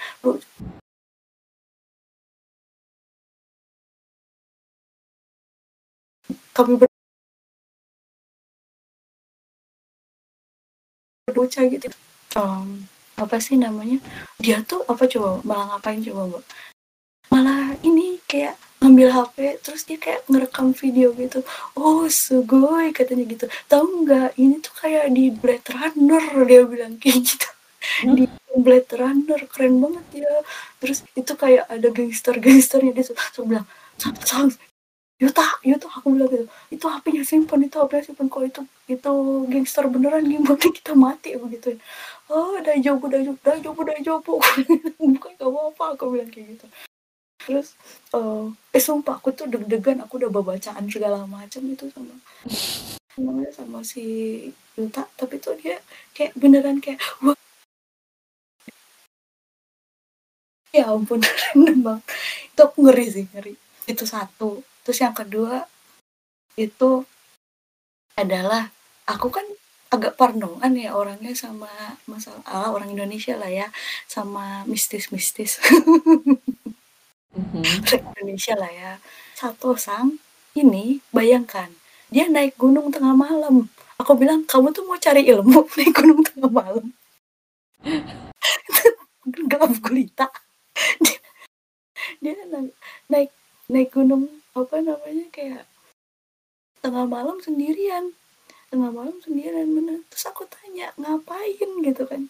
Terus dia bilang iya katanya. Soalnya kalau siang banyak orang aku malas katanya banyak orang aku malas gitu. Terus apa namanya terus aku suka sensasi hening yang bener-bener hening gak ada suara apa pun dia bilang kayak gitu. Hah? Saya nggak ngerti. Pokoknya kayak gitu jadi dia bener-bener nggak nggak Itu di Jepang atau di Indonesia atau di Turki yang naik gunung tengah di malam? Jepang. Oh, di oke oke. Jepang. Wah, kalau di Indonesia mah udah ditawarin itu mandi kembang. itu makanya enggak. Itu mah ini nyari ilmu ilmu kebal. Random banget ya Allah. Apa namanya? Aku udah tuh apa sih waktu itu pernah pulang dari habis ngeliat eh, ini eh, Hanabi gitu ya habis lihat kembang api kan pasti kan malam kan kayak jam satu gitu jam satu malam gitu kan. Terus pas pulang tuh dibawa sama dia lewat ini mbak aku lewat kuburan. Lewat kuburan di sini ngeri juga jadi tuh jadi tuh aku ini kan apa sih namanya tuh aku bilang Yuta kenapa lewat sini? Gitu. Kenapa lewat sini?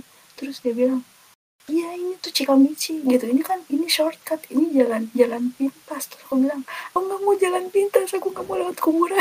Nanti kalau aku lihat macam-macam gimana terus terus dia bilang lihat apa nggak ada apa-apa di sini. Gitu. Cuma ada batu Bener-bener. pokoknya aku terus aku ini banget. Terus akhirnya pas udah kayak gitu tuh ya, terus parahnya tuh dia kayak bener-bener kayak apa ya kayak bodoh amat gitu. Jadi dia jalan sendirian di depan ninggalin apa di kuburan. Sebelum banget aku kesel. Terus aku bilang why gitu kan. Apa namanya tunggu aku dong gitu kan terus saya bilang apa sih kak kamu lebay kayak gitu? Terus dia bilang- aku bilang ya iyalah aku lebay gitu kan. Aku takut sama kayak gitu. Ya pokoknya kayak kayak gitulah mbak. Jadi kayak mistis-mistisan gitu tuh dia nggak nggak ini sama sekali nggak maksudnya bodoh amat gitu. Sementara aku kan masih yang nggak orang Indonesia gitu kayak gitu.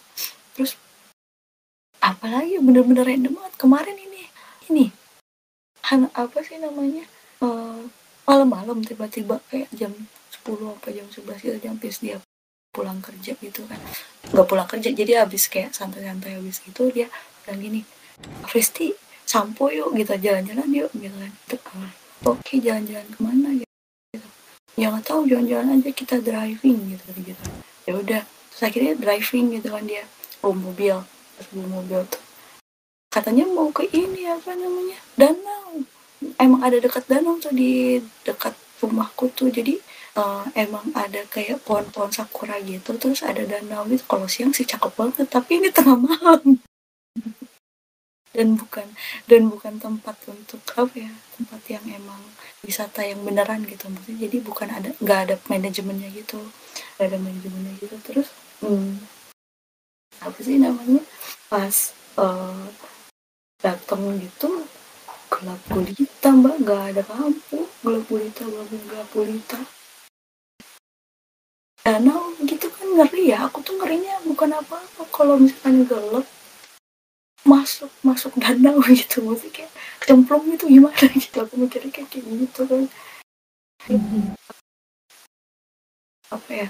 Ya gitu mbak. Kayak gitu. Terus em, eh banyak lah mbak. Random banget ya. Ampun random banget soal yang kayak gitu-gitu akunya parnoan dianya bodo amat gitu.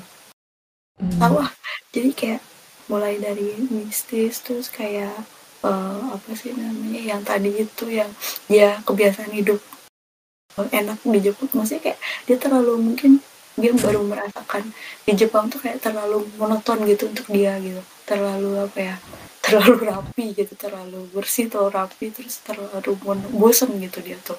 Jadi kalau ke luar tuh kayak pasti yang aneh-aneh gitu. Pasti nyarinya tuh yang aneh-aneh gitu dia tuh. Makanya aku bilang tujuan dia belajar bahasa Indonesia aku bilang itu pengen ngobrol sama bapak di pos kamling katanya gitu. Oke aku bilang ya oke level kamu sekarang udah bisa kok ngobrol sama bapak-bapak di pos kamling ya bu ya gitu sih dia kayak gitu. Terus menurut dia tuh apa sih namanya uh, dia tuh kayak pengen emang cari pengalaman pengalaman baru sih kayak pengalaman-pengalaman baru di yang nggak bisa dia dapatkan di di Jepang kayak gitu sih si Iutani kalau dari aku um, kalau aku sendiri aku dulu ya pertama kali aku nyampe Jepang tuh waktu tinggal sama dia tuh aku gaptek. Gapteknya ini kan semuanya kan kanji di sini aku aja nyalain nyalain AC tuh bingung banget ini tombol apaan gitu. Pencet apa? Aku gak tahu jadi aku pencetin semua. Terus kayak nyalain lampu nyalain lampu tuh apa namanya ini saklarnya tuh bukan saklar yang biasa gitu jadi emang pakai remote. Gitu tulisan. Oh punya bener-bener mesin cuci kanji semua. Terus rice cookernya canggih bener. Kan ada settingan segala macam. Bisa dijadwalin lah mau mau masak nasi jam berapa terus mau di apa ada tipe masaknya. Mau dibikin jadi bubur kan mau dibikin jadi nasi yang ada apa namanya uh, ada sayurnya atau apanya lah gitu kan. Kayak pusing banget. Terus uh, bener-bener gaptek. Terus aku nggak ngerti ini sampah bisa-misain sampahnya. Aku dulu pertama kayak ini gimana?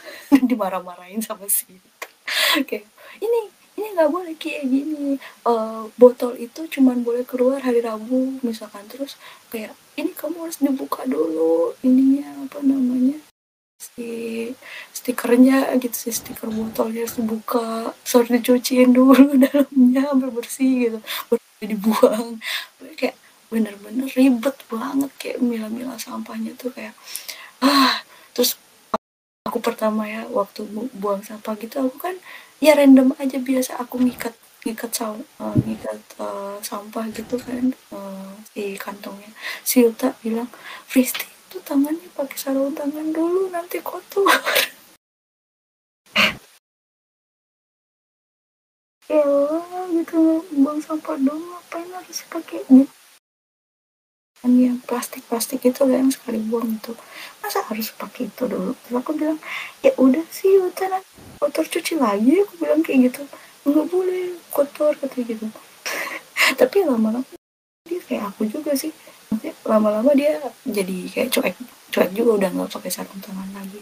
Wah ribet terus. Pembersihnya ampun. Kayak kayak apa sih?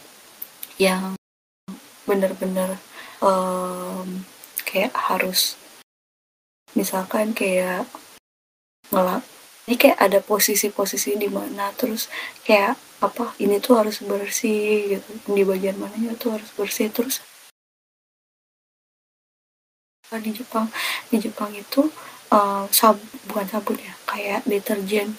Tuh kayak beda-beda maksudnya deterjen bukan deterjen apa ya kayak cleaning solution tuh apa ya sebutannya tuh. Jadi kayak misalkan yang ini untuk stainless yang ini untuk keramik yang ini untuk apa gitu. Jadi tuh kandung tuh berbeda-beda gitu. Aku tuh bingung gitu ini pakainya yang mana kayak gitu. Terus kayak uh, terus dia kayak suka marah-marah gitu. Ini kan untuk stainless kenapa kamu pakai di keramik? Gitu. Ini gitu aku dimarahin pakai gini gitu. Aku bingung banget. Itu kayak ada banyak jenis pembersihnya. Terus uh, buang sampah pembersih terus apalagi ya? Pokoknya kayak apa aja tuh ada aturannya gitu kan kayak di sini tuh kayak harus kayak gini gini harus kayak gitu gitu gitu kayak waduh gitu dulu agak gimana juga sih cuman um, karena aku apa ya lama-lama jadi tapi jadi kebiasa jadi kebiasa juga sih gitu akunya gitu dan aku sekarang juga menikmati sih gitu menikmati juga sih gitu di Jepang walaupun banyak yang ribet ya gitu. Kalau soal yang kayak gitu gitu tapi tetap aja ya sesuatu yang paling menarik itu pasti kalau Yuta di luar negeri itu pasti absurd lah pokoknya kejadiannya. Mhm. kalau di Jepang mah nggak ada. Ini cuman kalau dia di luar negeri di mana pun di mana pun tuh pasti pasti ada hal-hal yang aneh gitu yang kayak gini. Tuh pasti gini. Iya di chat eh, relationship juga ditulis eh, cita-cita jadi seperti Yutasan yaitu eh, resilience, suka mencoba hal baru, unlocking new possibilities, eh, growth mindset banget deh pokoknya ya. Oke, makasih Fristi udah cerita tentang eh, culture shock. Kemudian kita ke topik berikutnya yaitu paperwork, birokrasi, birokrasi yang literally mungkin bagi teman-teman crazy, dokumen imigrasi. Nah, ada nggak sih kendala dalam mempersiapkan proses penyatuan eh, keluarga ini? Eh, kemudian yang terberat untuk dilakoni dalam proses-proses itu tuh apa aja sih gitu. Mungkin Dea bisa cerita. Kemalaman nggak Dea? Kalau kemalaman boleh kok eh, chat. Bilang, Enggak, enggak sih. Kita mas, aku masih on karena anakku juga masih on. Oke. Oke, soal birokrasi ya. Em, nikah sama orang Turki itu gampang banget sejujurnya. Makanya banyak banget sekarang orang Indonesia yang nikah sama orang Turki karena birokrasinya itu nggak ribet. Kayak eh, syarat-syaratnya sama kayak nikah sama orang Indonesia ya. Kayak kita ke RT, RW minta izin segala macam bla bla bla ke KUA. Terus urusin CNI-nya itu juga gampang banget. Kita cuma tinggal ke kedutaan, bawa paspor. Eh anakku sendawa, maaf. ya terus kita bawa paspor suamiku bawa paspor paspornya dikasih terus mereka eh, kasih kayak sejenis surat izin menikah gitu yang udah ditranslate ke bahasa Indonesia udah tuh di situ terus kami nikah di di rumah terus langsung dapat buku nikah Indo setelah itu laporan lagi ke kedutaan Turki yang di Jakarta untuk eh, kayak dibikinin laporan kalau misalnya saya sama Mustafa ini udah nikah gitu loh jadi nanti di Turkinya kita tinggal minta surat nikah, eh izi buku nikah Turki di catatan sipilnya. Itu sih segampang itu nikah sama orang Turki. Tapi kalau misalnya nikahnya di Turki terus ke Indonesia itu agak ribet ya. Kita tahu sendiri birokrasi di Indonesia seribet apa. Ini pun Mustafa ngalamin waktu dia ngurusin kitas sama kitab. Ya, ya ampun, di sini tuh ribet banget, banget, banget, banget, banyak di pingpong. Tapi sekarang sih kemarin-kemarin terakhir di imigrasi nggak terlalu ribet ya ngurusin birokrasi kitabnya. Karena katanya kata orang imigrasinya mau mempermudah birokrasi. Tapi alhamdulillah sih nggak terlalu susah waktu kayak bikin kitab eh kitas waktu itu. Nah kalau di Turki orang Turki aku lihat waktu zaman aku ya 2014 tuh mereka nggak ribet sih. Kayak urusan buku nikah aja nggak ribet kayak oke saya udah nikah ini udah laporan ke kedutaan terus mereka langsung kasih buku nikahnya yang which is buku nikahnya itu masih ditulis tangan gitu loh. Dan tulisan tangan mereka dan foto aku tuh di staples bukan di lem. Jadi staplesnya sekarang karatan. Duh udahlah orang Turki sesantuy itu. Oke. terus ya ngurusin ngurusin izin tinggalnya di Turki juga agak terlalu waktu itu sih nggak terlalu ribet ya karena waktu zaman aku ke sana banyak pengungsi Syria dan macam-macam jadi birokrasi izin tinggalnya nggak ribet. Yang ribet itu cuman kayak bikin asuransi buat aku gitu. Itu tuh agak agak ribet. Sekarang tuh wajib banget punya asuransi buat bikin izin tinggal di Turki. Kayak gitu sih nggak terlalu ribet ya begitulah makanya sekarang banyak banget orang Indonesia yang pengen nikah sama orang Turki. Karena pertama mungkin ngerasa seiman ya kan banyak sama-sama orang Muslim gitu kan. Terus eh, apa sih ngurusin izin nikahnya juga nggak susah kayak gitu. Ya tapi ternyata begitulah cinta tidak selamanya indah deh selain itu juga banyak kan hal-hal lain yang bikin eh, kita agak kaget ya culture shocknya sifat orang Turkinya yang pemarah segala macam ya itulah di luar dari birokrasinya begitu singkatnya Oke dia makasih. Gimana Iya. dengan dia Giovanni? Proses penyatuannya apakah ribet birokrasinya? Harus syaratnya banyak ini itu? Wah, aku kebetulan kan belum nikah ya. Um, jadi nggak ada paperwork yang related ke nikah um, antar dua bangsa. Tapi aku di sini imigrasinya masuk lewat jadi student. Jadi aku sekalian kuliah lagi.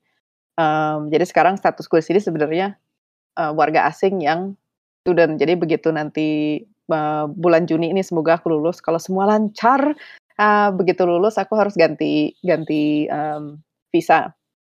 Gak tahu ya sekarang sebenarnya udah bisa apply karena kan kita statusnya sekarang common law. Aku dan Nathan yang tadi aku bilang apa uh, udah tinggal bareng satu dua tahun tapi nggak nggak ada secara official nggak nikah. Um, dari situ katanya ada juga yang bilang kalau udah common law bisa juga apply jadi permanent resident di sini, jadi nggak butuh ribet-ribet urus-urusin visa kalau mau keluar masuk Kanada. Um, tapi nggak tahu sih, aku belum belum lihat itu, uh, belum research tentang itu. Tapi dulu waktu pindah ke sini, berarti ribetnya ngurusnya ngurus uh, student visa dan um, paling sih ngambil kayak uh, minta Nathan tulis surat ke embassy bilang saya sebagai uh, partnernya dia bisa nge-support dia selama dia tinggal di sini bahwa menjadi kayak jaminan gitu kalau misalnya aku sampai kenapa-napa Nathan yang bisa um, take care of aku secara finansial, secara rumah, secara segala macam. Jadi nggak bakal um, dan juga aku ada jaminan pokoknya nggak bakal overstay visa bla bla bla bla jadi nggak um, baru lihat di chat relationship ada dia ngasih fotonya di staples kasihan banget. Aduh. Tapi ya itu prosesnya lumayan panjang. Aku nggak tahu kalau teman-teman yang lain kalau proses nikah itu berapa bulan. Tapi kalau yang student visa ini aku berbulan-bulan ngurusnya dari persiapannya. Jadi aku tuh pindah masuk Kanada itu Juli 2019 target mau terbang ke sini. Um, terus tapi udah siap-siap student visa itu apply dari mulai apply kuliah dan segala macamnya itu udah dari Desember 2018 atau Januari 2019. Jadi dari 7 apa 8 bulan sebelumnya udah harus um, persiapkan segala macam dari mulai aplikasi, siapin finansialnya juga. Jadi kan kalau mau apply visa harus harus terbukti gitu secara finansial udah punya uangnya buat minimum untuk satu, satu tahun pertama di Kanada buat ngeyakinin um, orang Kanadanya bahwa oh iya nih orang bisa afford tinggal di Kanada at least untuk setahun pertama. Um, jadi nggak perlu nggak um, supaya mereka nggak nggak merasa oh dia bakal apa jadi ngemis di sini dan segala macam. Tapi itu aja sih waktu itu um, paperworknya. Dan pas di sini kebetulan pasporku tuh expire waktu waktu COVID. Pas banget sebelum COVID kayak Februari aku renew paspor, Maret COVID kan terus semuanya shutdown 2020 dan itu waktu renew paspor sempat lucu juga sih di KBRI diceramahin gitu kamu tuh belum nikah um, jangan sampai hamil dulu ya. Terus aku kayak lo lo lo lo belum. Nggak ada nggak ada yang mau. Belum kita punya iya nggak nyambung gitu. Cuma mereka maksudnya kayak ya maksudnya kita nasehatin supaya kamu aman aja kamu perempuan belum nikah masih muda um, dan udah tinggal sama lakimu orang Kanada dan maksudnya statusmu di sini tuh cuma student loh. Jadi kalau kamu sampai hamil dan kenapa-napa takutnya nggak ini nggak nggak apa nggak ke protek segala macam. Aku bilang iya tapi aku juga belum punya anak juga belum siap gitu. Maksudnya I'm not even planning on having kids anytime soon. Um, tapi iya kalau apa ke orang Indo di KBRI-nya aja tuh masih masih masih kepo-kepo gitu kayak terus mereka juga suka nanya apa itu keluargamu? Nggak apa-apa kamu begini terus aku bilang ya kalau misalnya mereka kenapa-napa mah I wouldn't be here gitu. Jadi um, ya waktu itu waktu bikin bikin paspor sempat ada ceramah dulu lucu banget ke KBRI mau bikin paspor malah diceramahin sama orang ininya orang KBRI-nya but oh well. Orang Indonesia tetap orang Indo di mana pun mereka berada Mustafa bener tuh. Aduh. Tapi itu aja sih yang yang sempat um, ribet. Sekarang memang ribet sebagai student di sini aku harus harus um, mengikuti segala aturan yang dicantumin di visa student aku kayak aku nggak boleh kerja part time lebih dari 20 jam per minggu. Um, terus nggak boleh. Terus for some reason di iniku di di di student permitku tuh dibilang aku nggak boleh kerja di industri um, seks, sex worker gitu nggak boleh. Um, okay. Sama kayak so specific but okay. Tapi benar-benar dicantumin di student visa aku may not is not permitted to work in the sex industry atau apa gitu. Pokoknya something along those sense aku sempet ketawain ke Nathan kayak hey if you ever want me to become a sex worker I am not allowed to do that. On defense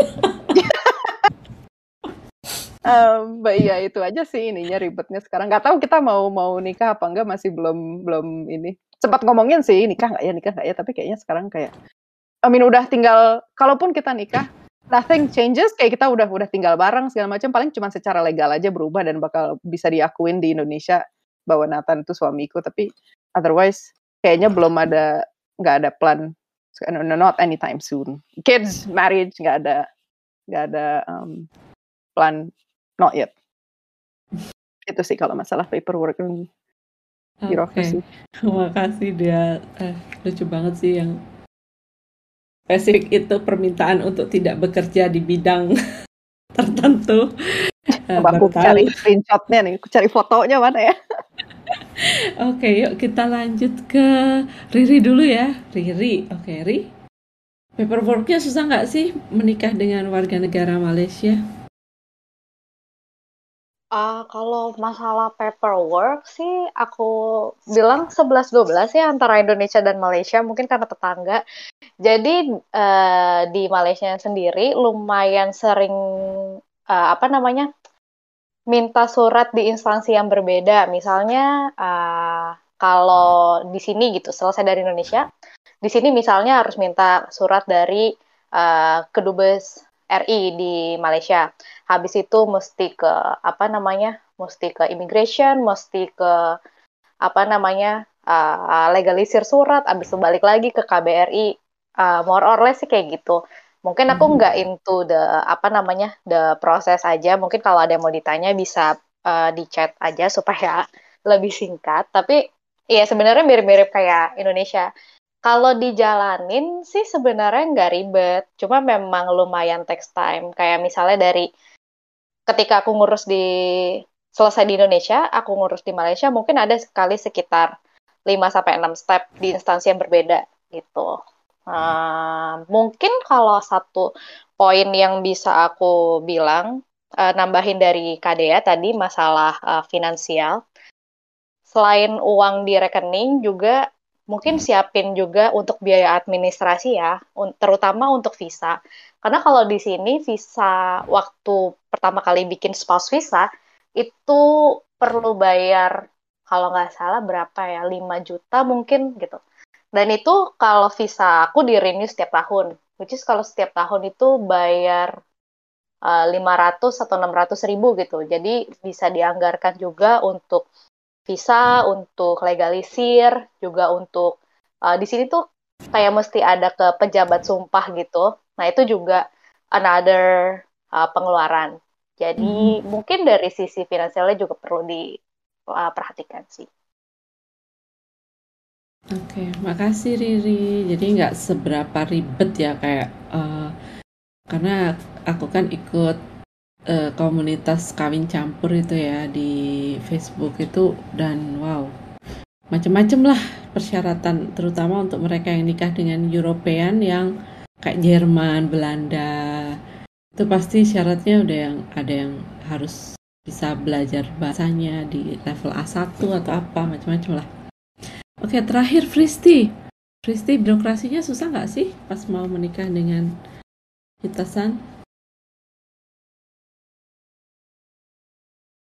San? gampang. Oh ya, nggak ada gimana ya, gimana. ya karena aku untung aja ya udah perjuangan sama yang paling susah mau perjuangan sama keluarga. Itu udah lolos tuh kayak langsung lah maju-maju aja gitu lancar-lancar aja gitu. Jadi kan kayak pertama nih nyiapin yang pertama dari Embassy of Japan itu kan bikin surat keterangan single gitu dianya gitu. Kalau bahwa eh, orang yang bernama Sato Yuta ini belum pernah menikah kayak gitu. Terus hmm, ya terus dia bawa kartu keluarganya terus kakak kakak di Jepang gitu. Bawa kartu keluarga Jepangnya bawa surat domisili terus apa namanya uh, bukti penghasilan bayar pajak terus apalagi uh, kalau dia itu bekerja di mana? Surat employment ya yang kerjanya di mana segala macam aku juga nggak ada masalah kan maksudnya kayak surat yang ini kan yang dari kita kan cuman fotokopi apa akte kelahiran terus surat persetujuan yang N1 apa N2 N4 formulir eh, apalah yang KUA itu untuk menikah di KUA foto segala macam. Udah sih cuman aku waktu itu sempat bingung mau bikin prenup atau enggak gitu yang uh, perjanjian sebelum nikah itu yang pranikah itu. Terus um, apa sih namanya? Ya, tapi akhirnya kalau aku pikir-pikir hmm, ribet lah gitu urusannya. Ya udahlah nggak apa-apa nggak usah lah. Aku juga kayak hmm, nggak hmm, tahu bakal balik ke Indonesia atau enggak gitu. Kan itu kalau prenup tuh butuh ya katanya kalau mau beli properti di Indonesia kan jadi kalau kalau nggak punya prenup kan katanya nggak bisa beli properti ya di Indonesia. Terus tapi waktu itu aku kayak males gitu kayak iya udah sih. Kayak iya udah sih nggak nggak ngurus prenup. Masukin dokumen translate ke bahasa Indonesia yang dokumen yang Jepang ditranslate ke bahasa Indonesia. Iya, kalau yang ditranslate ke bahasa Indonesia itu agak ribet juga sih. Harus uh, pakai penerjemah tersumpah gitu kan yang ditunjuk oleh uh, kedutaan gitu loh kedutaan Jepang. Pokoknya kayak gitu. Jadi nggak boleh sembarangan. Tapi kalau apa sih namanya tapi kalau yang di Jepang tuh terserah gitu loh yang penting mah jadi bahasa Jepang aja. Jadi dia yang translate ke bahasa Jepang. Dokumennya. Si Yuta yang translate gitu. Terus apa lagi ya? Udah sih jadi pertama urutannya ke embasi Jepang dulu dapetin surat-surat yang diminta KUA dokumen yang diminta KUA udah lengkap semua masukin KUA langsung registerkan daftar antrian gitu ya masuk ke daftar antrian. Udah kayak gitu uh, ini ada ini mbak lucu banget ya apa sih namanya yang kursus calon pengantin itu. Kursus kursus calon pengantin di KUA oh. jadi itu uh, uh, jadi waktu masukin surat-surat segala macam itu sama si Yuta kita tuh kayak harus diceramahin gitu harus ikut yang namanya kursus calon pengantin di KUA gitu. Itu sangat lawak. Jadi waktu uh, rumahku kan Bandung coret banget ya KUA-nya tuh benar-benar literally di tengah benar-benar udah perbatasan kabupaten Bandung gitu kan. Terus pas ya wait maksud aku jadi kayak nggak pernah ada yang orang asing gitu yang ke situ gitu. Yang uh, nikah di KUA masukin dokumen di KUA itu gitu kan. Jadi gara-gara kejadian itu ribet lah apa kayak pada kepo lah biasalah tetangga tetangga gitu kan mau lihat orang Jepang. Lucu banget termalu. Malu banget. Jadi selebritis. Waduh lokal minta foto gitu ya udah pada mau lihat orang Jepang tuh. Terus apa sih namanya? Ya gitu. Terus uh, itu lu, lucu banget kayak orang Indonesia tuh kalau kan suka bahasa basi ya mau terus bahasa basinya suka random ya kadang-kadang gitu kan. Pas yang sebelum ikut calon pengantin itu aku suaranya Fristi hilang oke okay. Apakah Fristi sudah kembali? Oke. Okay. Hmm, kayaknya Fristi suaranya ngilang lagi. Oke deh. Kita udah dua jam ya di sini, dua jam lebih pula. Uh, kita mau closing dulu. Oke. Tapi jangan ke mana-mana karena Biasanya setelah acara selesai kita ada after party, kita bisa saling tanya, bisa saling cerita, lebih bebas, lebih relax, no rules, nggak di record juga. Jadi uh, kita tutup dulu ya acaranya. Habis ini kita bisa tanya-tanya lagi tentang uh, Fristi dan Yutasan, oke? Okay? Setuju ya? Karena udah dua jam nih.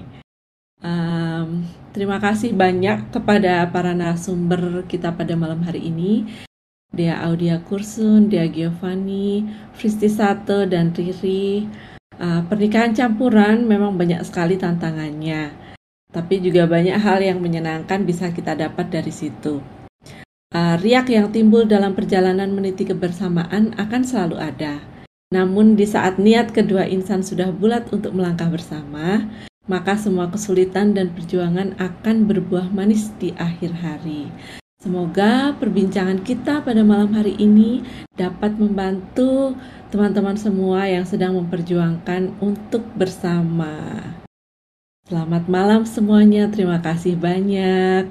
Oke Devon, acara resmi kita tutup sekarang after party.